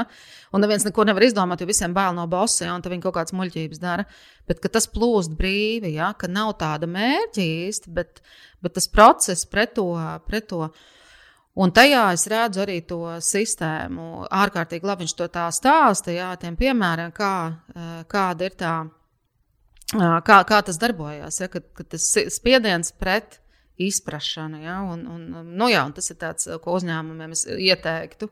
Un, ja mēs atgriežamies arī pie paša sākuma, kur mēs runājām par uh, pieauguma griestiem, ka lai nenokļūtu problēmā, kas ir saistīta ar pie, e, pieauguma griestiem, ir jābūt acīm vaļā, ir Jā. jābūt informētam, un nevis es strīdos ar realitāti. Ja, ka, nē, Jā. es taču ar būvniecību pelnīšu mūžīgi tieši šajā veidā, vai man taču tās bulciņas, vai ne, un te vienmēr viss ēdīs. Bet gan es ievācu informāciju, un es vienkārši skatos, kā to, kas ir, es izmantošu kā privilēģiju, kā priekšrocību, ko es ar to iesākšu, lai es varu turpināt pelnīt. Un tad tu teici, ka sistēma ietekmē ārējie notikumi. Tas nozīmē, ka ja šobrīd darba spēks ir tāds, Savukārt darba spēkam ir jārēķinās, nu, ja tā vecā priekšniecība pēc vecajiem pie, nu, kā, veidiem ir tāda, tad vienkārši mēs ar to rēķināmies, bet mēs nemeklējam ienaidnieku ārpusē. Mēs skatāmies, kā mēs tos savus resursus varam, uh, varam izmantot. Un man liekas, ka te ir vietā pašā noslēgumā atgādināt par vainu vai. vai tu vari pieminēt šajā sakarā? Nu, tāds arī, tāds, arī tāda pazīme, ko es arī iesaku padomāt, ja, tāda strikta nostāja, ka, ka, mēs, ka ir tikai vai nu šāds risinājums, vai nu šāds. Vai nu tu izdari darbu, vai es tevi atlaižu. Nu, piemēram, ja. Vai nu tie mileniāļi pieskaņosies mums, jā. vai nu nezinu, mēs vai viņi lidos biznesu. ārā. Jā. Viņi lidos ārā no uzņēmuma, jo viņi mums nedara. Ka ir tādi ļoti strikti, ja, bet no tā sistēmiskā viedokļa Viss ir jāredz kopā, jo viss ir savstarpēji saistīts. Ja? Nu, tu vari pateikt, ka milēniāļi man nepatīk, bet vienā brīdī nonāks līdz situācijai, ka darba spēka, darba spējīgie cilvēki tajā vecumā būs vairs tikai milēniāļi un zēpa paudze. Un, un ko tad tu darīsi? Tad tas vadītājs viens pats strādās ar sevi, ja tu ne, neadaptējies. Jā, un, un Rāņa brīnišķīgais teiciens, ka pastāvēs, kas pārvērtīsies, patiesībā jau ir par to, ka tie, kuri nepārvērtīsies, kas neadaptēsies, viņi aizies vienkārši pagātnes mēslēnē, viņi vienkārši pazudīs. Ja? Un, un cita ceļa vienkārši nav. Un, un, un, un tieši lai tu varētu pastāvēt un pārvērsties, tev ir jāredz visa bilde kopā, viss laukums, pat ja tev nepatīk. Un tā grūtība ir ieraudzīt arī to, kas man nepatīk. No tā nav tur es aizveru durvis, eh, tur, tur, tur, tur tas briesmans aiz durvīm, eh, es neko nezinu, jā, lai viņi tur dzīvo milēņā savos burbuļos, sociālos tīklos. Es, sociālajos tīklos es nekādus kontus nekad netaisīšu, jā, jo tas ir tie muļķības, jā, nu, kas arī tāda no vecākas paudzes, kas ir. Nu jā, bet ja tu tur neesi un tu nebūsi, tevis nebūs vienkārši. Un tu vienkārši pazudīsi. Ne, bet tev jā. arī nebūs informācija, kas tad notiek. Nu jā, nu, tu neko nedod. Tu, tu vienkārši nebūsi, tāpēc ka tu nekur neesi, tu neko nezini. Tev nav informācijas. Jā, nozīmē atvērtāku galvu. Andra, um, mēs ar tevi esam izrunājuši vienu vai divas, divus tos modeļus. Mums viens bija veiksmīgo veiksmē, un tad mums arī vienam mēs pieķērāmies. Es tagad nevaru ātri atrast. Pieauguma robežas. Pieauguma robežas, jā, bet mēs esam izrunājuši tikai, ne, bet tas bija pie pazīmēm. Jā? Jā, nē, mēs arī à, ir jā, jā, jā. arī uzmanības novēršana. Tas bija par tām atkarībām. Jā, bet tas bija maz. Jā. Mūsu mērķis kā, iziet lielākajai daļai cauri. Mans mērķis, tu jau cilvēks neko pat nezini par maniem mērķiem. es galīgi neinformēts. Un mēs apskatījām tikai dažas pazīmes. Man līdz ar to ir jautājums, kur tu mierīgi vari noraidīt. Es neapvainošos nevienā veidā. Es zinu, ka tas ļoti aizņemts cilvēks. Kā tu skaties uz to? Ja cilvēki jau uz auditoriju saka, mums tas ir ļoti noderīgi. Es gribu vēl, jo caur Andras piemēriem, caur jūsu sarunu, es vienkārši ieraugu kaut ko, kur es spēru soli uz priekšu, nevis turpinu mīcīties uz vietas. Jā, varbūt pēc tam man būs kāds solis atpakaļ, bet kopumā tendence ir, ka es tomēr virzos uz priekšu. Vai es tev varu aicināt uz vēl kādu šādu sarunu? Es domāju, ka jā. Ja? Jo mana interese, protams, ir, ka cilvēki to redz un ieraudzīja, un, un dzīves kvalitāte būtiski uzlabojas, tad, kad to sapra, sāk saprast. Un tāpēc man te ir piedāvājums, vai tu lūdzu vari pateikt mūsu cilvēkiem, kas tagad šim cilvēkam, kas man mūsu abas klausās un, un, un skatās, vai skatās, ko tu gribi attiecībā uz klimata pārmaiņām no šī cilvēka? Es gribu, lai šis cilvēks nevis uh, tra kā tradicionāli, kas saka, ka ai, nu, tie taču tur ir kaut kādi amerikāņi un, un, un, un Krievija un visi lielie, pie, un Ķīna un Indija, kur ir miljardiem cilvēku, kur, kur viņi ir vainīgi pie visa, un, un viņi ir tie, kas, kas to visu nodara. Un ko tad es te Latvijā viens pats, un, un, un, un Latvija jau vispār ir 0,00 cik procentu no pasaules kopējā piesārņojuma. Es gribētu viņiem pateikt, ka vikingi pāri okeānam nepārērē vienatnē. Viņi brauc laivā komanda, un viņi brauc visi kopā. Un, un klimata pārmaiņu samazināšana ir kopīgs kolektīvs darbs, tāpat kā Covid pārvarēšana. Viens pats nav karotājs, un tāpēc, kad es tērēju enerģiju neiedzīgi, visādas, nu, man liekas, nu, cik tas maksā. Ja? Tad katra tā kilovatstunda, ko es notērēju, ir kaut kādi grami CO2, kas nonāk atmosfērā, ja, un kas piesumējas ar visam pārējiem. Un, Es gribu, lai cilvēki stāda kokus un nevis saka, ka Latvija ir pilna kokiem un ko gan mans koks vēl dos. Bet uh, katram kokam ir nozīme, ka katrs koks absorbē CO2. Paldies, tev liels. Un tad um, tu sacīji, ka šajā gadā cilvēkiem ir iespēja mācīties sistēmisko domāšanu, nevis sistēmu pieeju. Jā, mēs mācām modelēšanu. Mēs tas mācam, ir Rīgas Tehniskā, jā, Rīgas Tehniskā universitāte. Tas, tas ir trešā kursa bakalaura, kas nozīmē, ka tas nav tāds ļoti sarežģīts līmenis. Ja tas ir nu, trešā gada teica profesori. trešā es tev un, neticu. jā, un es to mācu, tā mēģinu ļoti vienkāršot parādīt. Kā to var uzmanīt, pavisam vienkārši modelīšus uzbūvēt. Ja pavisam tādus triviālus, bet kas var arī palīdzēt saprast patiesībā tādas ikdienas lietas, ja, ka, ka dusmas, kā tu teici, ja, ka, ka, ka vīrs neko nesaka, nesaka, nesaka, un vienā dienā sakrāmē mantus un aiziet vai pasakot, lūdzēji prom, ja, ka dusmas uzkrājās. Viņas akumulējās, ka viņas nekur nepazūd vienkārši tāpat kosmosā. Un to var uzmodelēt, visas šīs lietas var iemācīties, tādu, tā, tā, tādu, nu, vismaz iegūt sajūtu, ka, ka to var izdarīt. Ko cilvēkiem googlēt, lai atrastu par šīm apmācībām? Uh, ieiet uh, Rīgas Tehniskās Universitātes uh, mājaslapā, uh, vai arī ieiet mūsu institūta mājaslapā. Mums ir uh, vidas zinātne.lv. Uh -huh. Un uh, kursa nosaukums ir uh, sistēma dinamikas modelēšana. Nē, sistēma dinamikas modelēšanas pamati vidas inženieriem. Bet tur nav tikai par vidi, tur ir viss, visas iespējamās. Jā, lietas. bet tas ir veids, kādā var mācīties. Tad, jā, un no jā. tā nevienam sliktāk nepaliks. Nē, nē, nē. jebkuras zināšanas uh, mūs atver durvis uz, uz neredzamo. Labi. Andra, lai tev būtu interese nākt uz mūsu nākamo sarunu, zinot, cik tu esi ārkārtīgi aizņemta, tas nav ne, tas ir grūti sameklēt šādu laika logu. Uh, ko tu gribi no mūsu auditorijas atpakaļ, no cilvēku jaudas cilvēkiem, kas ir noklausījušies tevis stāstīto un kuri saka, man bija vērtīgi, kādu atgrieznisko saiti tu vēlies no viņiem, ko lai viņi uzraksta, ko lai viņi nokomunicē, vai tas būtu sociālajos mēdījos, vai viņi raksta tev, ja viņiem ērtāk ir rakstīt cilvēku jaudai, mēs tev to nodosim. Kādu informāciju tu vēlies atpakaļ, lai tev būtu tā es iešu apakaļ uz to cilvēku jaudu, tāpēc, ka tie cilvēki ir forši tajā auditorijā. Man patīk, man, man ir interesanti. Es zinu, ka tas nepazūd kaut kur tur uh, visumā vai vēl kaut kur, bet tas nonāk un kaut kas viņiem, viņiem tiek no tā. Ka, ko tu vēlies atpakaļ? Nu, es vēlētos, ka, ka, nu, ka cilvēki kaut kādā veidā reflektē, ka viņi to uh, var ieraudzīt arī savu ikdienu, tajā, ka viņi spēj saskatīt ka, tie, ka tad tajā brīdī, kad gribās teikt, ka tas ir vainīgais, ka viņš tā kā paņem atpakaļ, nu, tas jau ir, jau, jau ir sākums. Ja?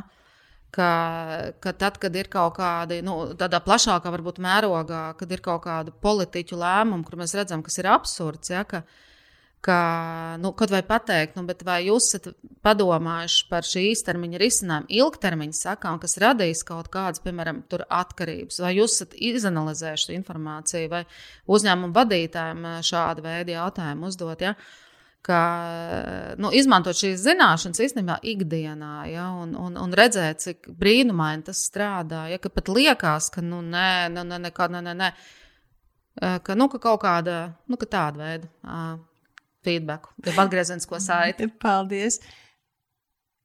cilvēku jaudīgais, jaudīgais cilvēks. Lūdzu, uzraksti, kas tev noderēja no tā, par ko mēs šeit runājām, to, ko Andra mums parādīja.